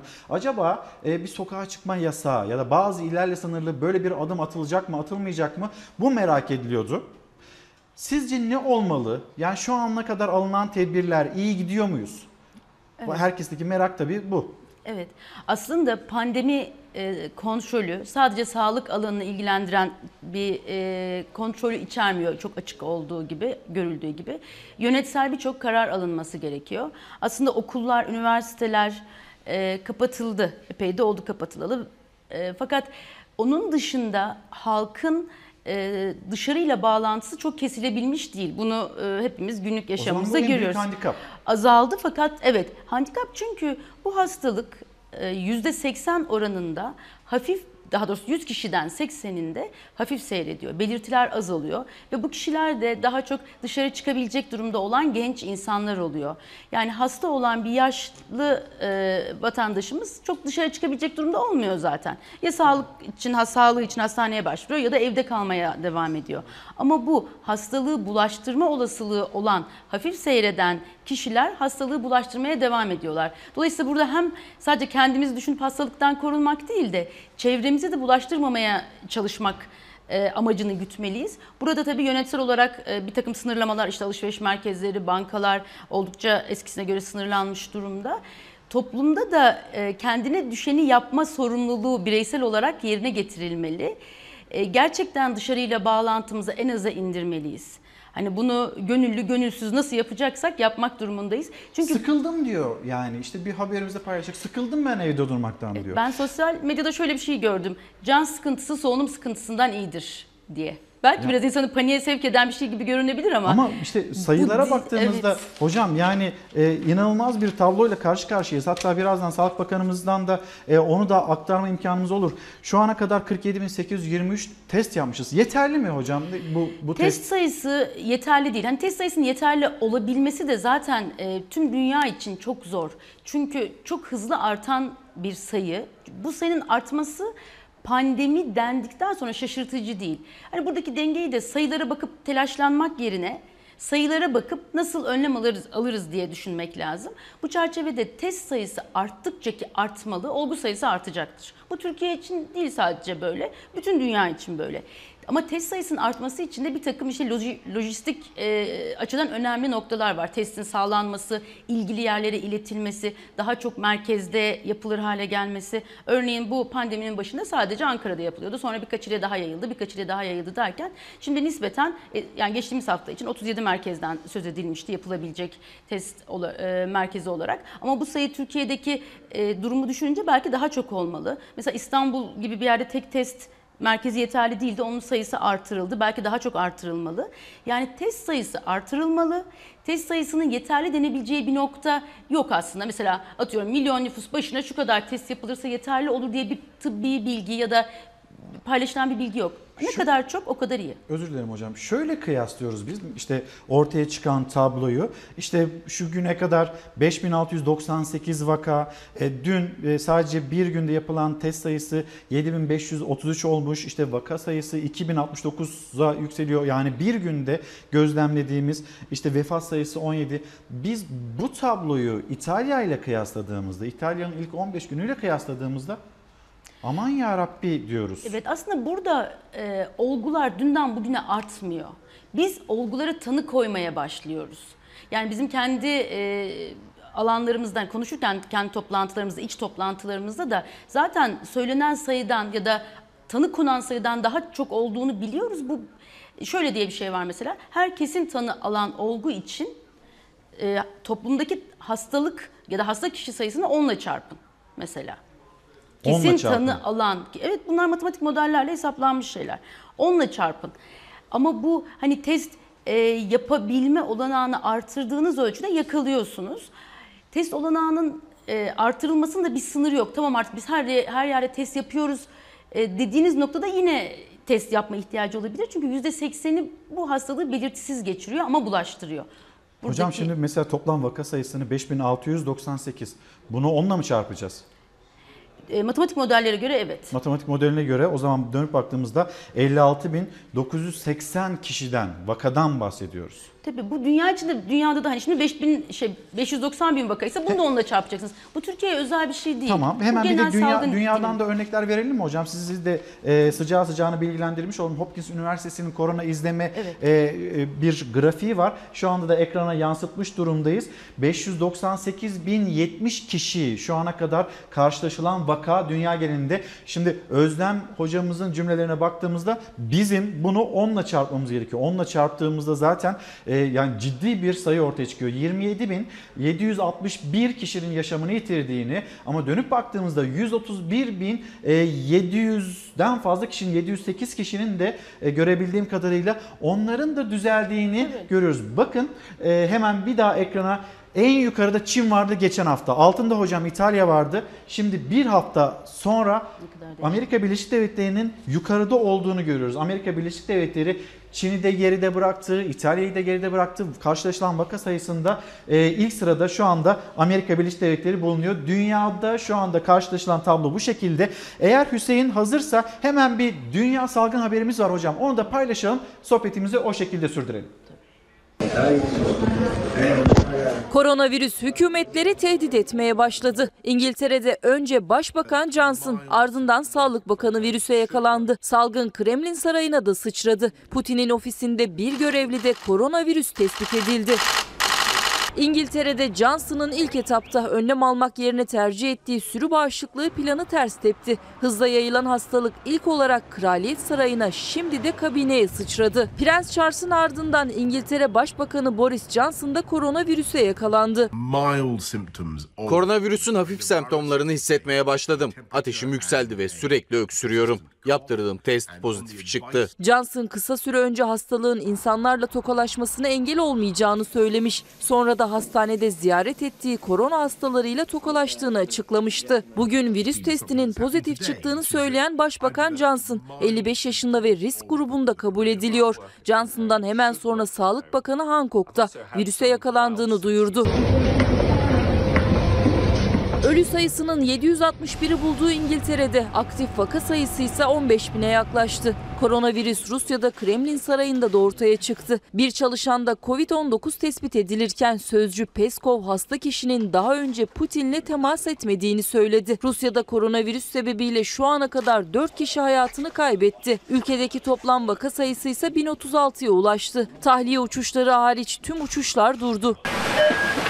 Yeni tip koronavirüs nedeniyle dünya genelinde ölenlerin sayısı 27 bini geçti. Vaka sayısı ise 596 bine yaklaştı. Amerika Birleşik Devletleri'nin ardından İtalya'nın da karantina altına alınan vaka sayısında Çin'i geçtiği açıklandı. Ülkede son 24 saatte 919 kişi öldü. Toplam ölü sayısı 9134 oldu. Avrupa'da can kaybı 17 bini geçti. İtalya'dan sonra en fazla vaka ve ölü İspanya'da. Ülke genelinde can kaybı 5138'i, aktif vaka sayısı 65 bine ulaştı. Fransa'da son 24 saatte 299 kişi hayatını kaybetti. Ölenler arasında herhangi bir hastalığı bulunmayan 16 yaşında bir gencin de olduğu açıklandı. Koronavirüsün ilk görüldüğü için ise ikinci dalga endişesi yaşıyor. Hayatın yavaş yavaş normale döndüğü ülkede hükümet yabancıların ülkeye girişini geçici olarak yasakladı. Amerika Birleşik Devletleri'ndeki tablo bu şekilde. ABD Başkanı Trump'ın cümleleri hatırlıyoruz. Bir sürü bağışıklığı olarak adlandırılıyor. İngiltere'de Boris Johnson'dan da duyduk bunu. Boris Johnson'ın testi pozitif çıktı. Amerika Birleşik Devletleri Trump işte New York, ABD şu anda merkez üs haline geldi. Ne oldu da öyle oldu? Onlar nerede hata yaptı hocam? Onlar da başlangıçta az test yaptılar. Bunlar hani tıbbi ortamlarda, literatür ortamında çok paylaşıldı. Amerika'nın da test yapma sıklığı geçtiğimiz haftalardan itibaren artmaya başladı. Onlar da test yaptıkça tanı koymaya başladılar. O yüzden sayı hızla artmış oldu. Burada tabii biraz insanların panik olması ABD Başkanı dahil bir takım yanlış bilgilenmeleri ve bilgilendirmelere de yol açıyor. Örneğin Trump e, geçen haftalarda bir ilacın e, tedavide kullanılmak üzere onay aldığını söyledi. Halbuki almamıştı. Hani başkan düzeyinde, ABD başkanı düzeyinde bunu söyledi. Sonra ABD'nin ilaç dairesi başkanı ve Ulusal Sağlık Enstitüsü'nün başkanı, başkanları hayır bu onay olmadı dediler. Bu sürecin bir güven içinde ilerletilmesi gerekmiyor mu? Çok önemli. Aslında e, pandeminin salgının diyelim yani pandemi adını bir kenara bırakalım. Herhangi bir salgının yönetimindeki temel nokta şeffaflık ve kararlılık. Hem şeffaf olacağız hem kararlı olacağız. Yani şu durumda şöyle yapalım. E, Bu kişiler için aslında şöyle bir istisna uygulanabilir. Hayır. Herkes için aynı kurallar geçerli olacak.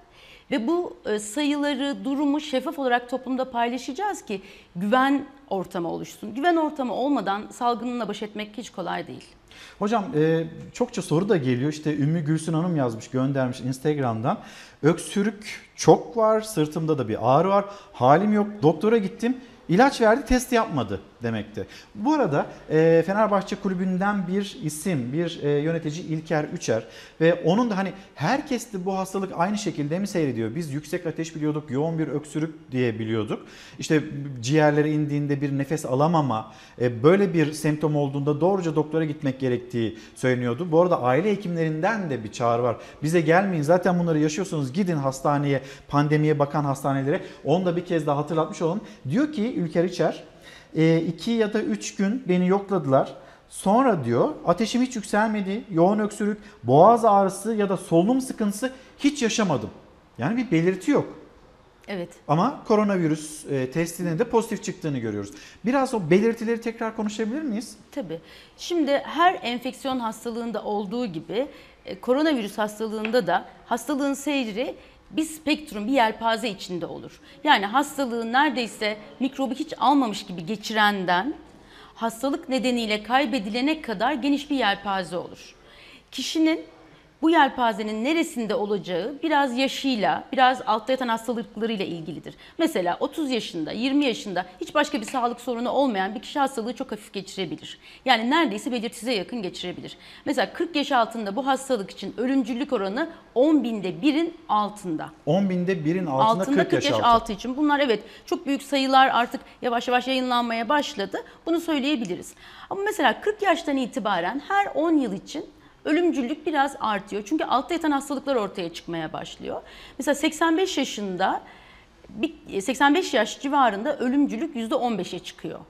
Çünkü hastalıklar artıyor, yaşla birlikte vücudun belli sıkıntıları ortaya çıkıyor. Dolayısıyla hani bu spektrumun neresinde olacağı kişinin kendi bünyesiyle de ilgili biraz.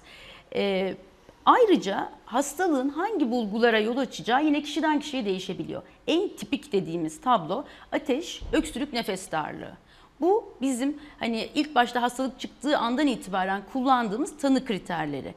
Bu durumlarda daha çok aklımıza koronavirüs hastalığı geliyor. Ama ateşi daha az olup öksürüğü daha çok olan, öksürüğü daha az olup ateşi daha yüksek olan, hafif boğazında ağrı olan bunlar elbette ki bu yelpaze içinde düşündüğümüzde olabilir. Buradaki doğru yaklaşım ALO 184'ü aramak.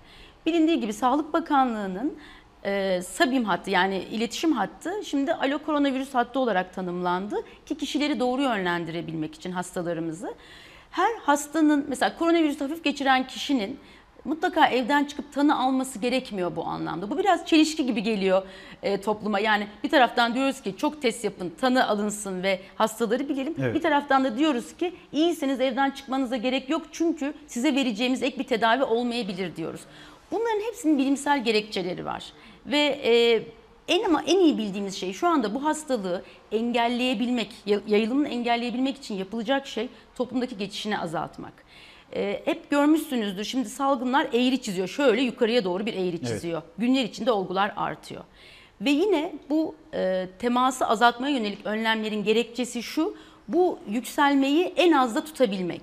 Çünkü sağlık hizmetinde bir kapasitesi var. Hani bir çizgi var. Sağlık Evet. hizmetinin kapasitesi. Olgu sayısı bu kapasitenin ne kadar üzerine çıkarsa o kadar zorlanırız. O kadar ağır durumdakiler sağlık hizmeti anki seyir alamayabilir. nasıl? Şu anki seyir hızlı bir, hızlı bir şekilde artıyor ama bu salgının başlangıcında olacak bir şey. Ona göre planlamalar şu anda yapılıyor. Pik tarihini nasıl görüyorsunuz, gözlemliyorsunuz hocam? Şu anda daha biz çizginin trendini tam olarak görebilmiş değiliz. Hani dünden bugüne işte iki katına çıktı, beş katına çıktı, on katına çıktı diye hesaplamak bize çok fikir vermez. Biraz daha zaman geçip salgın eğrisinin nasıl ilerlediğini gördükten sonra söyleyebiliriz. Şimdi tekrar hani e, çokça konuştuk biz bunu. Yaz aylarında yavaşlayacak şeklinde. Ama e, dün mesela Arjantin'de bir arkadaşım var. Onunla konuştuk. Deniz'le işte kızıyla. Onlar da evlerinin terasında şu anda orada da bir karantina var. Evlerinin terasından bağlandılar. Temiz hava, nefes almaya çalışıyorlar. E, bizim burada havalar sıcak. Orada yaz. Ve Evet. e, insanlar orada da aynı şeyi yaşıyor. Nasıl olacak peki?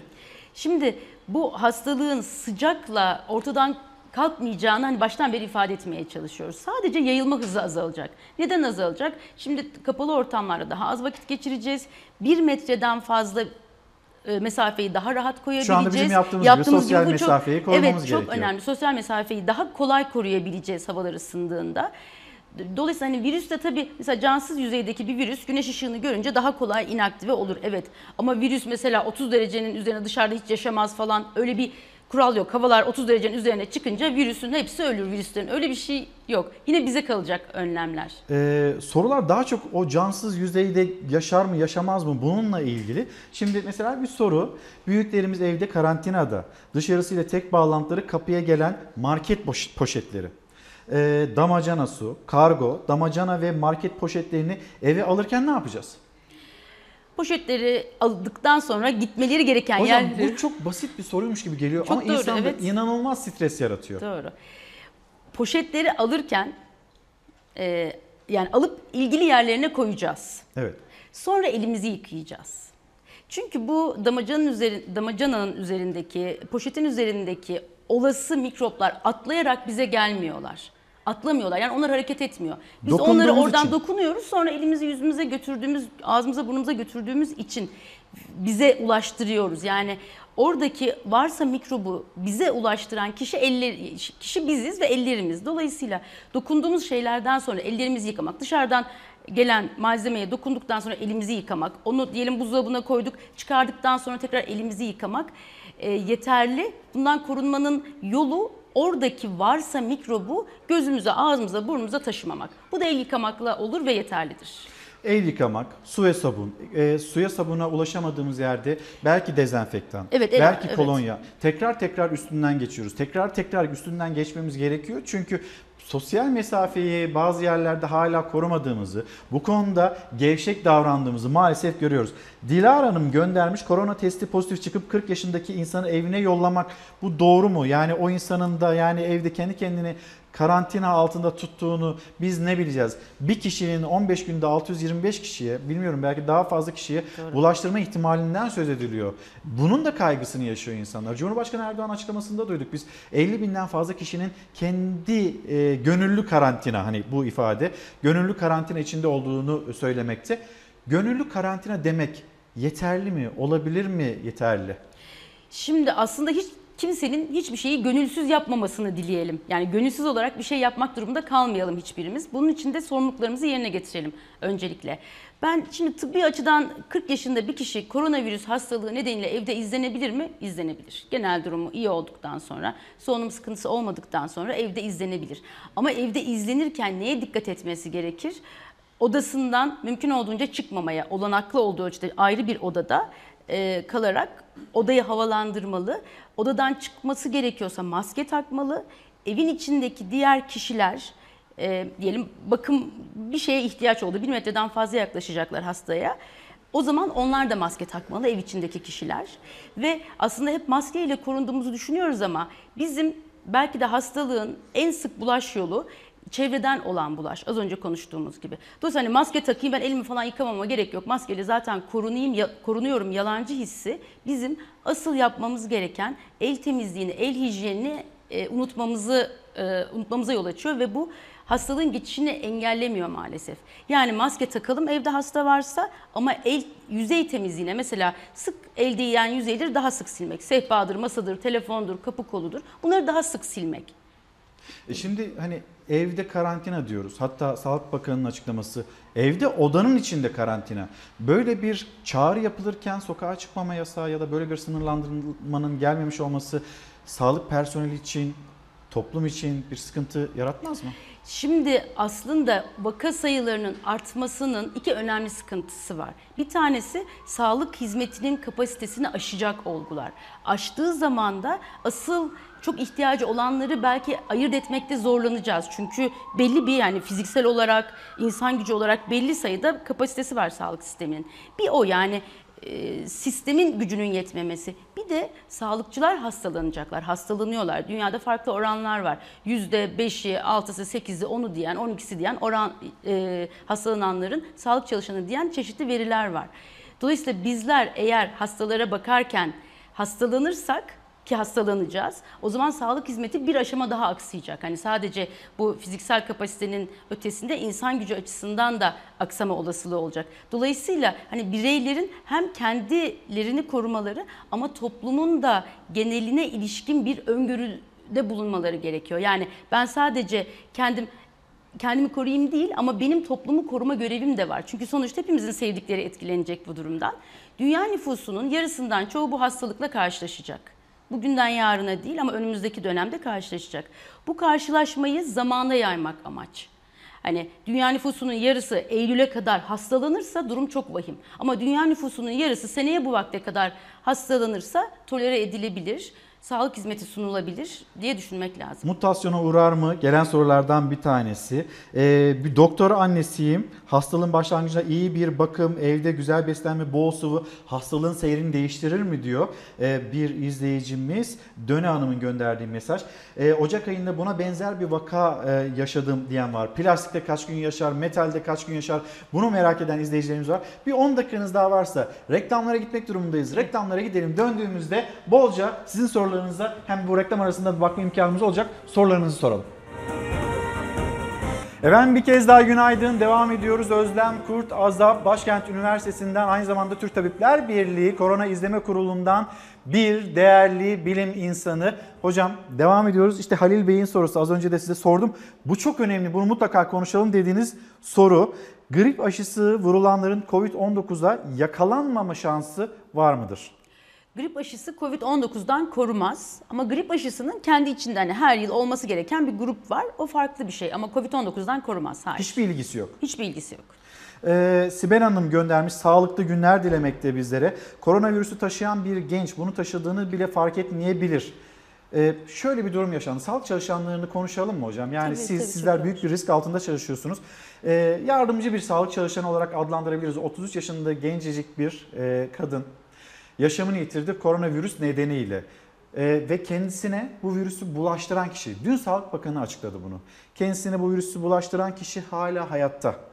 Ve aynı zamanda bu 30 yaşındaki kişiye e, bulaştırıyor virüsü. Başka birisine daha bulaştırıyor. O da yaşamını yitiriyor. Ama bu genç, bu kişi hala hayatta virüs taşıdığını biliyor ve yoğun bakımda bile değil. Böyle bir örnek de var karşımızda. Evet. Tabii sağlık çalışanları deyince aslında bizim aklımıza sadece hekimler, hemşireler geliyor olabilir ama hastanede çalışan e, kişilerin tamamı sağlık çalışanı olarak kabul edilmelidir. Yani danışmada e, hastaları yönlendiren kişiler de dahil olmak üzere. Çünkü e, bu tür hastalıklarda özellikle bulaşıcı hastalıklar açısından söylüyorum bunu. Bulaşıcı hastalıklarda genellikle bir metreden yakın mesafe işte sosyal mesafe içinde bunu söylüyoruz ya bir metreden fazla yaklaşmayın. Aynı şey hastanelerde de geçerli. Sonuçta hastaya bir metreden fazla e, yaklaşan her çalışan risk altındadır. Danışma görevlisi, e, hastayı taşımakla görevli olan kişi, hemşire, hekim, herkes. Burada e, alınması gereken standart bazı önlemler vardır. Onlara dikkat etmek gerekir sağlık çalışanları açısından. Bunun için de kişisel koruyucu malzemelerin yeterli olması lazım. Kişisel koruyucu malzemeden kastımız bizim hani en bilineni maske. E, bu maskeyi biz sağlıkçılar olarak belli durumlarda belli maskeler kullanıyoruz. Belli durumlarda önlük, eldiven giyiyoruz. Bu yüz koruyucular var. Onları takıyoruz. Bunların hastane yönetimleri tarafından sağlık çalışanlarına sağlanması gerekiyor. E, herkes hepsini kullanacak anlamında Genel itibariyle söylemiyorum. baktığınızda sağlanıyor mu? Şimdi e, bu konuda kişisel koruyucu malzemeye ulaşım konusunda sıkıntı olduğunu biliyoruz ve görüyoruz. İki boyutlu bir sıkıntı. Bir hani hastane yönetimlerinden talep edildiğinde bazen e, yeterli malzeme olmadığı yanıtı alınıyor ve kullanma eksik kullanma konusunda eksik olabiliyor. İkincisi bazen de hastane yönetimleri almak istiyorlar ama piyasada yeterli malzeme yok. E, bu konuda Sağlık Bakanlığı bir takım uygulamalar başlattığını ifade ediyor. Umarım e, ilerleyen günlerde malzemelere daha kolay ulaşırız.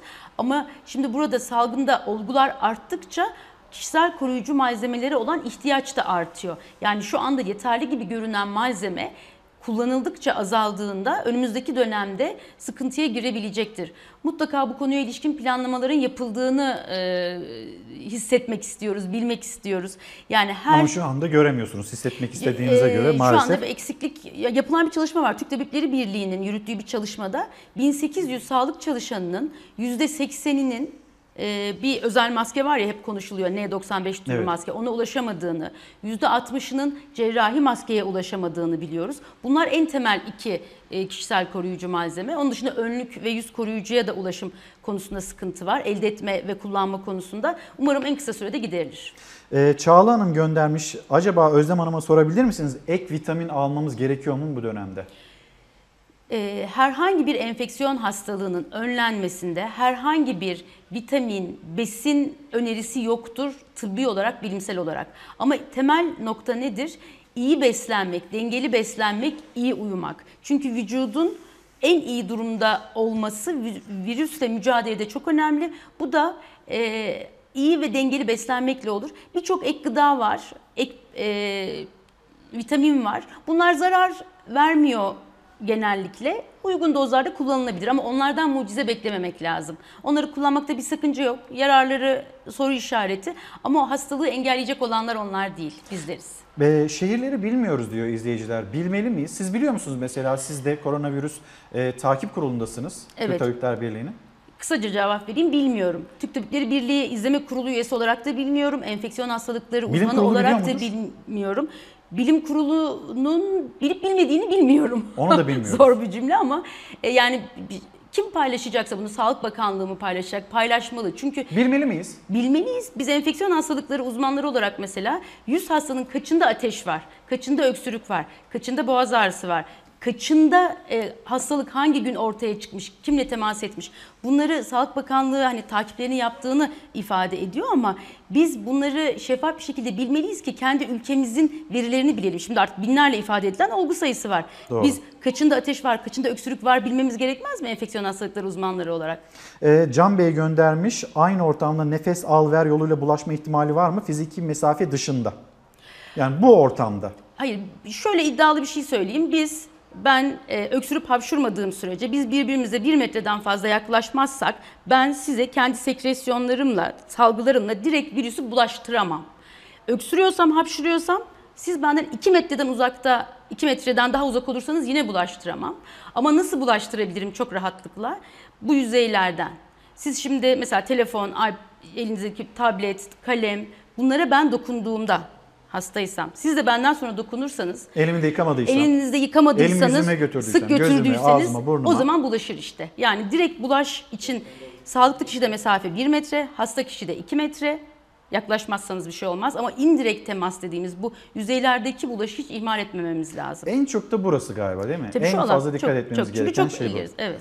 Ee, bu tabloya benzeyen bir hastalık geçirdim Ocak ayında. Dünyada var fakat Türkiye'de henüz tanımlanmamış. Yani Türkiye'de henüz gündemde değildi bu hastalık demekte. Ayşe Hanım ben de bir koronavirüs geçirmiş olabilir miyim diyor. Ateş yok ama yoğun bir öksürükten söz ediyor. Şimdi genellikle tablo ateş, öksürük ve nefes darlığı ile seyrediyor. Az önce de konuştuğumuz gibi ateş olmadan sadece öksürükle olabilir mi? Olamaz demek mümkün değil. Hiçbir enfeksiyon hastalığının böyle bütün hastalarda bulguların hepsi %100 görülmez. Bir yelpaze içinde olur. O çerçevede görülmüş, yani geçirmiş olabilir. Bunu anlamanın yolu olan testler de gelecek ama bunları e, çok boşa kullanmamak lazım. Kendisi iyileşmişse, sağlığına kavuşmuşsa Koşullar daha uygun olduğunda ben koronavirüs geçirdim mi diye belki bir sağlık, sağlık kuruluşuna başvurabilir ama şu anda hasta değilse değil. Hande Hanım da yazmış merak ediyorum. Diyelim ki korona olduk ve atlattık. Sonraki dönemde tekrar hani mutasyona uğrar mı uğramaz mı? Hani bunlar da konuşuluyor. Ben bir daha geçirir miyim bunu diyor. Şimdi e, buna cevap vermek için o kadar erken ki bu hastalık yani 3. ayına 3. ayını yeni bitirecek bu Dünya virüs. yeni tanışıyor. Evet. Geçirme e, tekrar hastalanmaz demek çok mümkün değil. Virüsün şekil değiştirip değiştirmeyeceğini öngörmek çok mümkün değil. Çünkü biz gribi biliyoruz yani influenza'yı hastalık olarak ve virüs olarak biliyoruz ama koronavirüs dediğimiz aile çok büyük bir aile ve influenza'dan farklı bir aile. Evet koronavirüsün nezleye, soğuk algınlığına yol açan türleri var. Onları çok iyi biliyoruz. Ama Covid-19'a yol açan e, virüs yepyeni bir virüs. Dolayısıyla buradaki seyrin nasıl olacağını yaşayarak göreceğiz. Tekrar hastalık yapma olasılığını, virüs şekil değiştirecek mi? Bunların hepsi önümüzdeki dönem belki sonbahar aylarında daha net belli olacak. Yaz aylarında hafiflemesini bekliyoruz. Evet. Sonbaharda yine önümüzdeki kış böyle pik yapma durumu tekrar artma bunu da bilmiyoruz galiba. İkinci dalga ol, ikinci dalga diye tanımlanıyor. Evet. İkinci dalga olma olasılığı var. Solunum yolu enfeksiyonların İkinci hepsi için dalga var. olma olasılığı var. Tabii maalesef. yani çünkü bu solunum yolu enfeksiyonu etkenlerinin e, özelliklerindendir. Ama dünya ilk kez koronavirüs pandemisi gördü. Hani koronavirüs biliyorduk nezleye soğuk algınlığına yol açtı ama onlar pandemi olarak tanımlanamaz. Koronavirüs pandemisini ilk kez, ilk kez gördü. Bunu nasıl seyredeceğini bilmiyoruz. Evet. İnfluenza'yı mesela aşağı yukarı kestirebiliriz influenza'yı. Virüsü biliyoruz, hastalığı biliyoruz. Ama koronavirüs pandemisini bilmiyoruz. Umarız yanılıyoruzdur. İkinci dalga görülmesin, bunun sönümlensin ve bir daha olmasın. Ama olmaz ikinci dalga. Şu şeyi bir atlatalım, sonbaharda, kışta sıkıntımız olmaz demek mümkün olmayabilir şu aşamada. Okulların e, 30 Nisan'dan sonra açılma ihtimalini nasıl görüyorsunuz? Bir salgın eğrimizi bir görelim. Bu test yaygınlaştırılıyor. Mesela Sağlık Bakanı geçtiğimiz hafta günde 15 bin test hedefinden söz etmişti. Dün itibariyle 7 bin küsürlere çıkmış durumda sayı. E, bu test sayısı arttıkça tanı sayısı artacak. Tanı arttıkça o salgın eğrisinin nasıl gideceğini göreceğiz. Bu konuda da bir şey söylemek için erken. Plastikte 3 gün, metalde işte bu kadar saat e, kaldığı yüzeylerde yaşama sürelerinden bahsediliyor. Biraz hani bunu konuşalım mı? Çünkü çokça e, soru geliyor. Ne kadar yaşıyor metalde, ne kadar yaşıyor plastikte? Biz kendimizi nasıl koruruz? Yine en nihayetinde el temizliğine giriyor galiba Evet ama giriyor. Ben de bu soruyu soranlara yani bakterinin ya da virüsün ya da hastalık etkeninin oraya ne zaman düştüğünü biliyor muyuz ki bu saatleri ve süreleri bu kadar günleri bu kadar önemsiyoruz. Hani sanki burada var hani 5 saat ellemeyelim bitsin gibi öyle bir şey yok. Yani böyle bir süreyi öngörmek mümkün olmadığı gibi böyle bir e, bilgiyi de net bir şekilde paylaşmak çok mümkün değil. Ve ben, bana sorarsanız e, normalde kişileri bu kısmı çok da ilgilendirmiyor. Ne ilgilendiriyor bizi? Bir elimizi temiz tutmak, iki yüzeyleri, el- ellerin sık değdiği yüzeyleri temiz tutmak. Temiz tutmaktan kastım ne? Böyle ovmak, gümüşünü çıkarmak değil de normalde temizlik yaptığımız malzemeler bu virüsü uzaklaştırmakta etkili. Yani elimizde bizim e, nasıl kolonya yeter diyoruz. Evet. Çünkü bu hani zarflı bir virüs, hassas bir virüs hızlıca inaktive oluyor. Yüzeylerde de normal yaptığımız temizlikle bu virüs uzaklaştırılıyor. Yapmamız gereken ne? Biraz daha sık temizlik yapmak el değen yüzeylerde. Ama yani mesela tavanda e, ne bileyim hiç e, televizyonun arkasında gibi yerlere böyle hani püskürtülerek falan bir takım daha büyük alanlarda da yapılıyor bu. Yani hiç el değmeyen yüzeyleri el değen yüzeylermiş gibi sürekli temizlemenin anlamı yok. Sokaklar mesela yıkanıyor. Bir faydası var mı? Sokakların yıkanmasının bir faydası yok. Çünkü sokaktaki yerdeki geçmiyor bize virüs.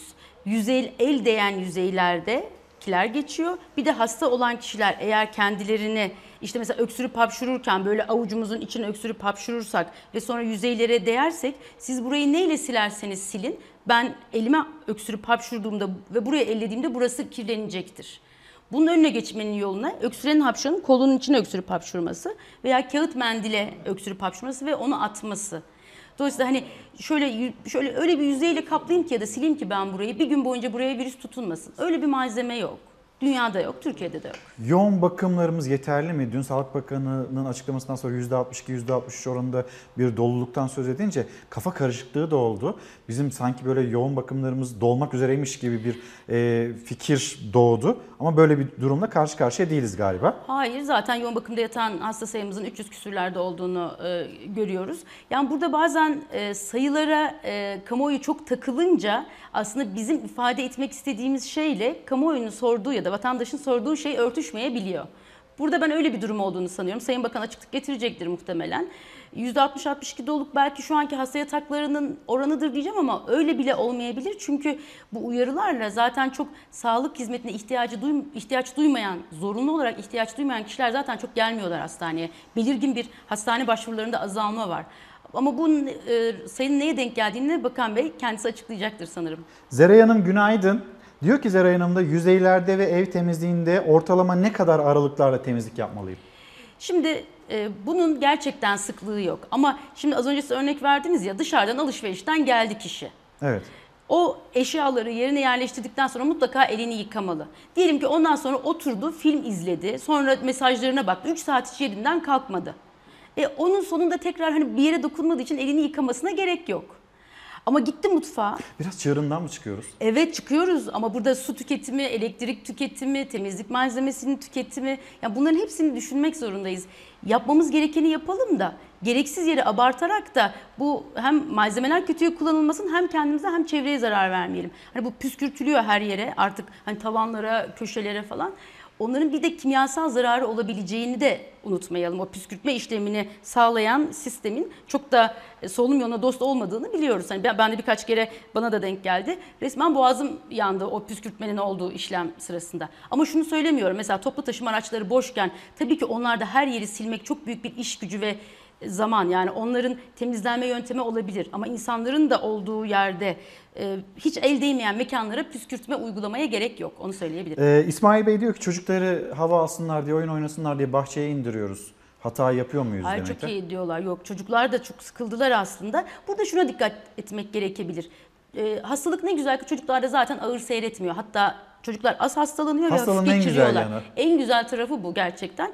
O mesela parkta oynuyorlarsa ister istemez salıncaktır, tahtaravallidir, kaydıraktır. O yüzeyleri elliyorlar ya. Çocukların ellerini biraz daha işte yanımızda kolonya varsa onunla silmek ara ara. Eve gittiğinde tabii ki mutlaka yıkamak. Hastalıktan korunmada etkili olur. Ama bahçeye çıkıp oynasınlar tabii parka gidip oynasınlar. Ya da sosyal mesafeyi korumaya çalışarak yine de.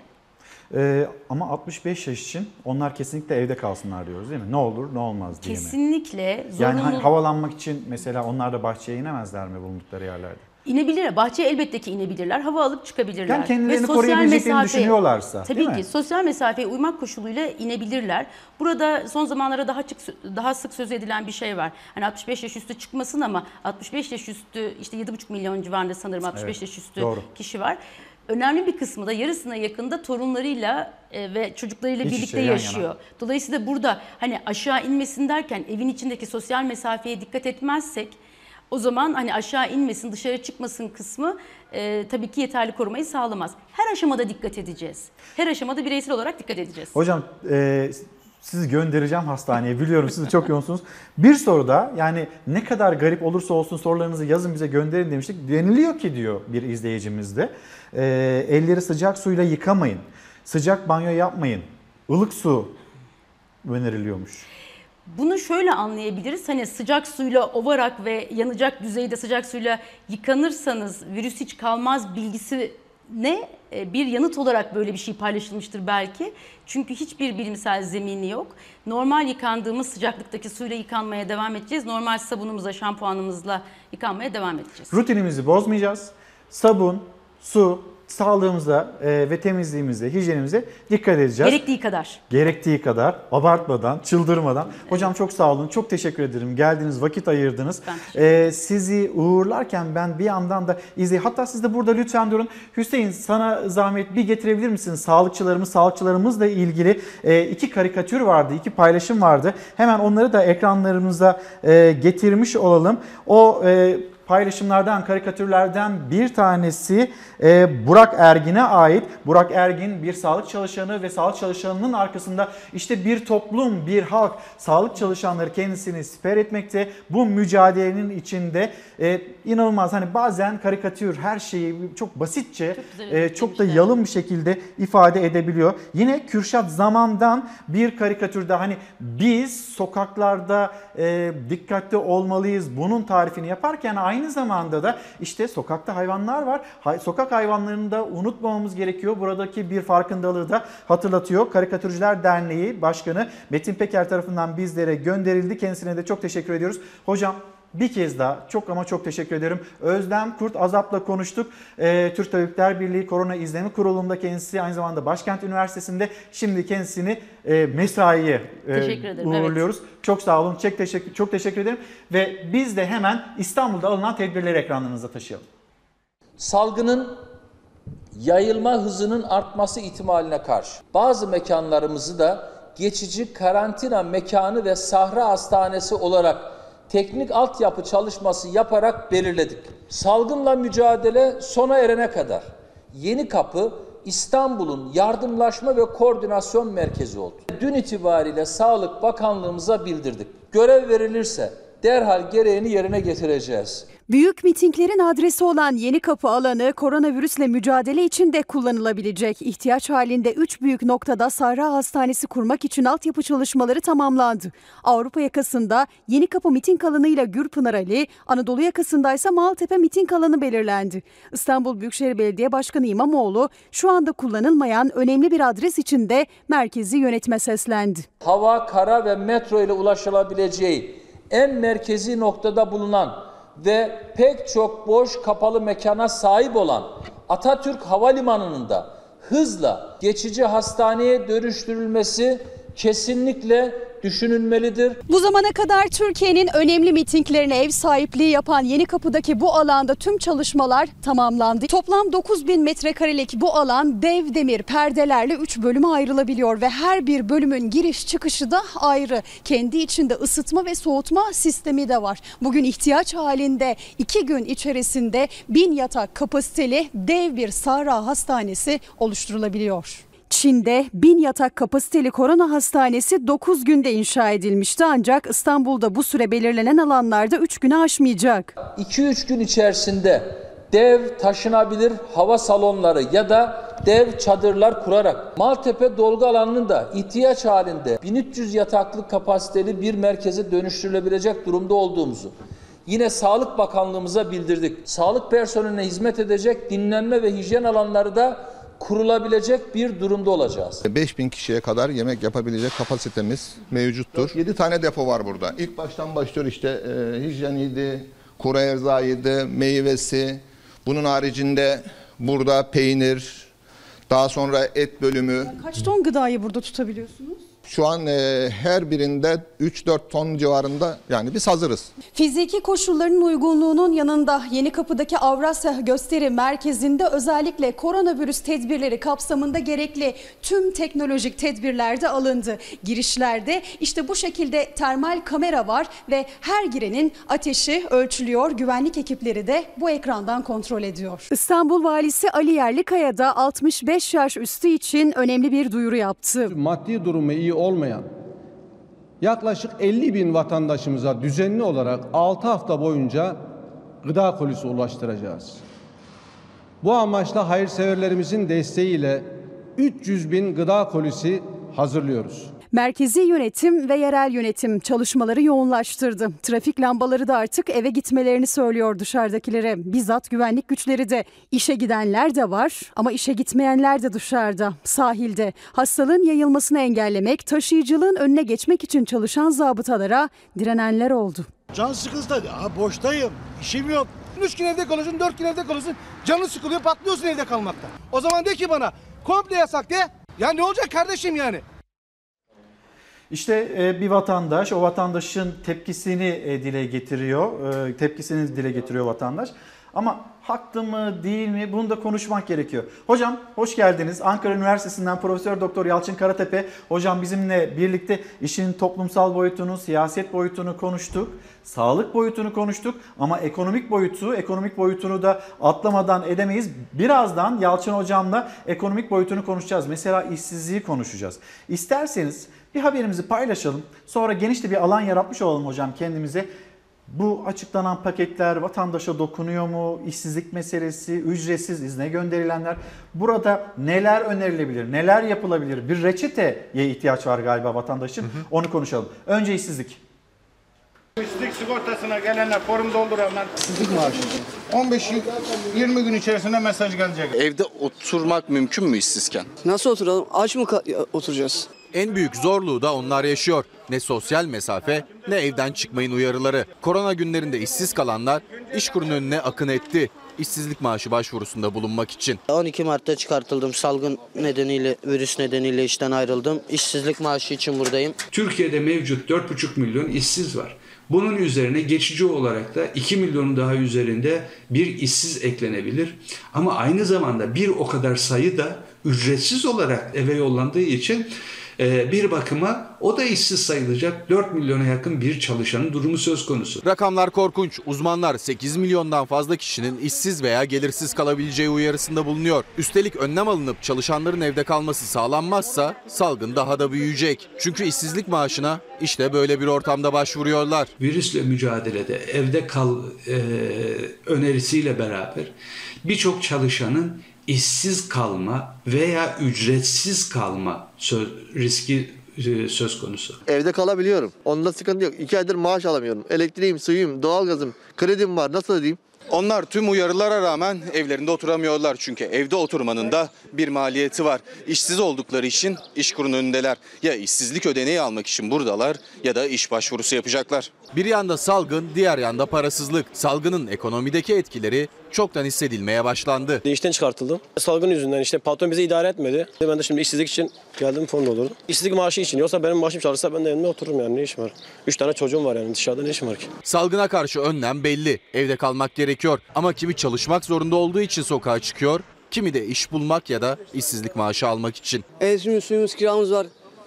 Zengine bir şey olmaz. Her zamanki bu kadar gariban oluyor işte. Ne yiyecekler o adam? Nerede oturacaklar? Parkta mı? Kimse buraya gelmek istemez. Birçok ülke bu iş, en azından işsizlik korkusunu hafifletmek için birkaç ay evde kalma döneminde çalışanların ücretlerini devlet kasasından ödemeyi taahhüt ediyorlar. Hatta zorunlu faturaların dahi devlet tarafından ödenmesi durumu söz konusu. Uzmanlara göre çözüm salgının kontrol altına alınana kadar devletin yükü sırtlanması ama hazinede yeterli para yok. Oklar yine işsizlik fonunu işaret ediyor. Hazinede maalesef para yok. Geride bir tek işsizlik fonu kalıyor. 131 milyar lira para bulunan işsizlik fonunda böyle durumlarda Türkiye gibi ülkelerin krizleri aşmasında daha yaratıcı kaynaklara ve kamunun tasarrufuna ihtiyaç var. Hocam tabloyu görüyorsunuz. Yani vatandaş tamam evden çıkmayayım, tamam bana evde kal diyorsunuz. Gönüllü karantinanı ilan et. Ben nasıl evden çıkmayacağım diyor. Diğer tarafında işin e, işsizlik var. 4,5 milyon işsizimiz var. O 4,5 milyona ek olarak şimdi yeni bir işsizlik dalgasıyla karşı karşıyayız ve hani ücretli izne gönderilenler onları biz işsiz olarak da tanımlamıyoruz.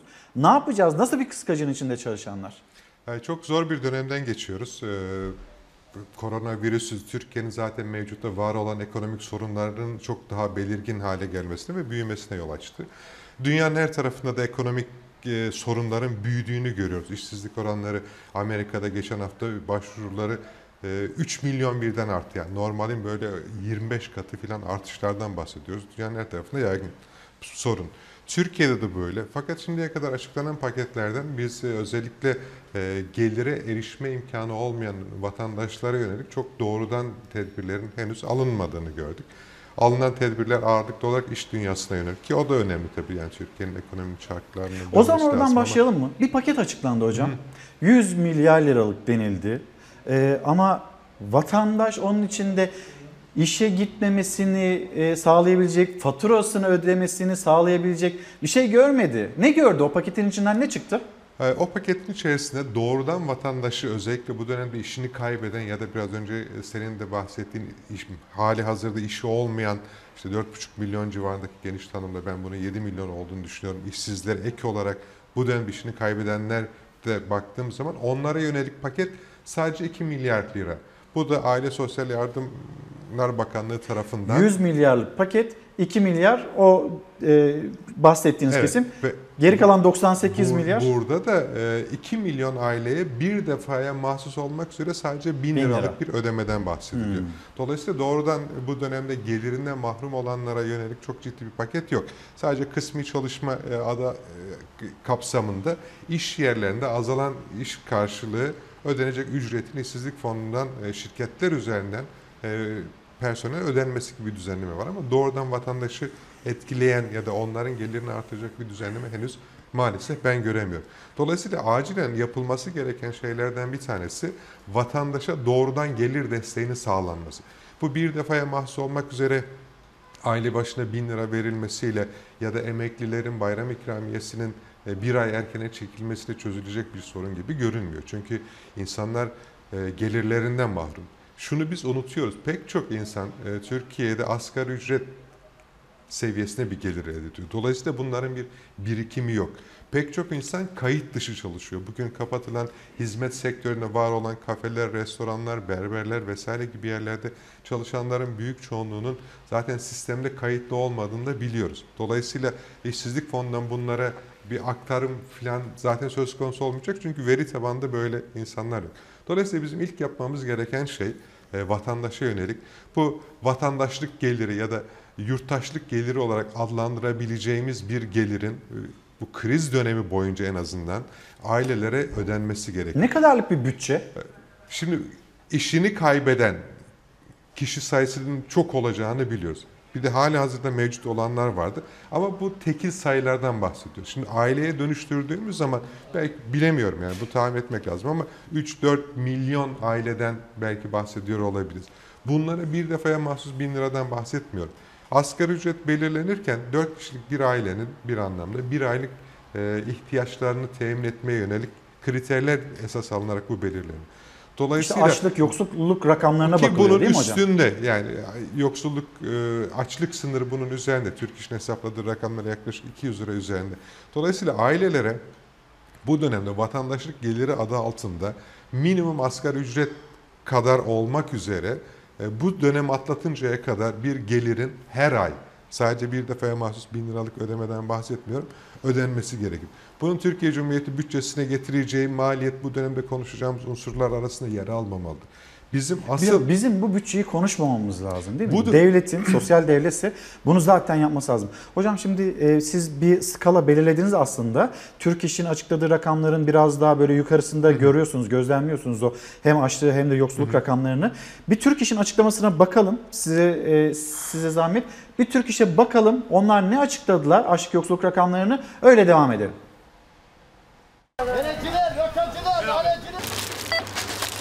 Asgari ücret 2324, açlık sınırı 2345, aradaki farksa 21 lira. Gıda enflasyonu ise bir önceki aya göre %3.89 arttı. Türkiye İşçi Sendikaları Konfederasyonu Türk İş yaptı araştırmayı. Açlık sınırı geçen yıl Mart'ta 2014 lira, yoksulluk sınırı 6561 liraydı. Türk İş'in 2020 Mart ayı araştırmasına göre açlık sınırı 2345 liraya yükseldi. Geçen yıla göre 331 lira arttı. Yoksulluk sınırı ise 7639 lira oldu. Gıda enflasyonu ise 2020 Mart ayında bir önceki aya göre %3,89 arttı. Türk İş raporunda artıştaki etkinin nedeni olarak semt pazarları ve marketlerde alışveriş yapanların yoğunluğunun azalmış olması ve gıda fiyatlarında özellikle yaş sebze meyvede görülen artışı gösterdi. 2345 lira asgari ücretin artık çok çok üstünde açlık sınırı ve bizim bu dönemde bir bütçeyi konuşmuyor olmamız lazım. Mesela Kanada Başbakanı e siz onu dert etmeyin biz o işi çözeceğiz e, diyor. Aynı cümleyi Türkiye'de de duymak istiyorduk diyor herkes.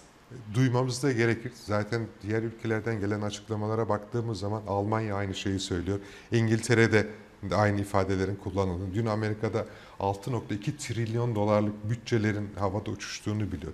Bu dönem bütçe açığı, enflasyon vesaire gibi rakamları konuşacağımız bir dönem değil. Bu dönemde yapmamız gereken iki tane önemli şey var. Birincisi insanların sağlığını korumak üzere bu salgının yaygınlaşması için gerekli her tür tedbiri öncelikli olarak almalıyız. Sokağa çıkma yasağı dahil mi? Sokağa çıkma yani ben tıp doktoru değilim ama bu gerekiyorsa bu dahil olmak üzere çünkü e, yayılma hızı oldukça yüksek. Dün açıklanan rakamda %60'a her önceki güne göre hasta sayısının %60 oranında arttığını görüyoruz. Bu çok ciddi bir e, sorun. Dolayısıyla bunu yapmamız. İkincisi insanların ekonomik ihtiyaçlarını karşılayabilecek tedbirleri acilen almamız lazım. Yani sokağa çıkmadık, sokağa çıksa bile e, geliri olmayan insanların, bir birikim olmayan insanların temel ihtiyaçlarını karşılama şanslarının olmadığını biliyoruz. Dolayısıyla bunlar e, tespit edilirken kaynak sorunu asla gündeme getirilmesi e, söz konusu bile olmamalıdır. Devletin e, ya da iktidarın ben bu kaynağa ulaşmasında hiçbir zorluk yaşayacağını düşünmüyorum. Merkez Bankası gibi bir kurumumuz var. Oradan parayı yaratmak hiç sorun değil ki dünyanın her tarafında bu dönemde Ama kötü gün akçesi vardı. Şimdi Var mı zamanında yapılan e, yanlışları biz zamanında çok konuştuk sizin yayınlarınızda da diğer e, Artık bitti. Bunların hepsini bıraktık O- diyorsunuz. Kaynak olarak mesela hani işsizlik fonu 131 milyar liralık bir e, fon. Bütün herkese 3 ay boyunca bir belli bir ücret ödense yapılan değerlendirmeler 120 milyar tutar. Hadi fazla tutsa bu bir şekilde desteklenir deniliyor. Devlet Merkez Bankası'ndan doğrudan borçlanabilir. Bunun tam e, karşılığı Merkez Bankası para basıp devlete verebilir ve bunu da kullanabiliriz. Bu bu dönemde enflasyona ulaşmaz çünkü zaten talep durmuş durumda. İnsanlar sokağa çıkıp harcama yapacak imkanlar yok. Hem paraları olmadığı için hem mevcut koşullarda kimsenin para harcamaya e, cesareti olmadığı için. Dolayısıyla enflasyonda bütçe açığı gibi rakamları bir kenara bırakmak lazım. Biraz önce söylediğim gibi öncelikle halkın sağlığını, ikincisi halkın ekonomik ihtiyaçlarını öncelemek gerekir. Bu dönemde evde kalmalarını salık verdiğiniz, teşvik ettiğiniz insanların evde kaldıkları süre içerisinde elektrik faturası, su faturası, gıda ihtiyaçları, sağlık giderleri, işte hijyene yönelik harcamalarının acilen karşılanacağı bütçelerin oluşturulması gerekir. Hala faturalar geliyor. Yani işiniz yok ama elektrik faturanız geliyor, işiniz yok, doğalgaz faturanız geliyor. Bunların ötelenmesi lazım. Zam yapmayacağız demek yeterli mi? Değil. Yani zam yapmayacağız demek bir önceki ay ödediğiniz kadar ödeyeceksiniz demek. Oysa bir önceki ay sahip olduğunuz gelire sahip değilsiniz. Yani koşullar çok farklılaştı. Zam yapmamak değil. Bunların ödenmesinin ötelenmesi lazım ve bunu merkezi bir biçimde yapmak lazım. Sadece yerel yönetimlerin sınırlı imkanlarıyla olacak bir şey değil. Elektrik, doğalgaz e, gibi faturaların ödenmesi hiç sorun e, yani ötelenmesi hiçbir e, sorun yaratmaz. Bunların finansmanı da çok rahatlıkla sağlanabilir. Dolayısıyla devletin ya da hükümette olanların önceliklerini çok doğru belirlemesi lazım.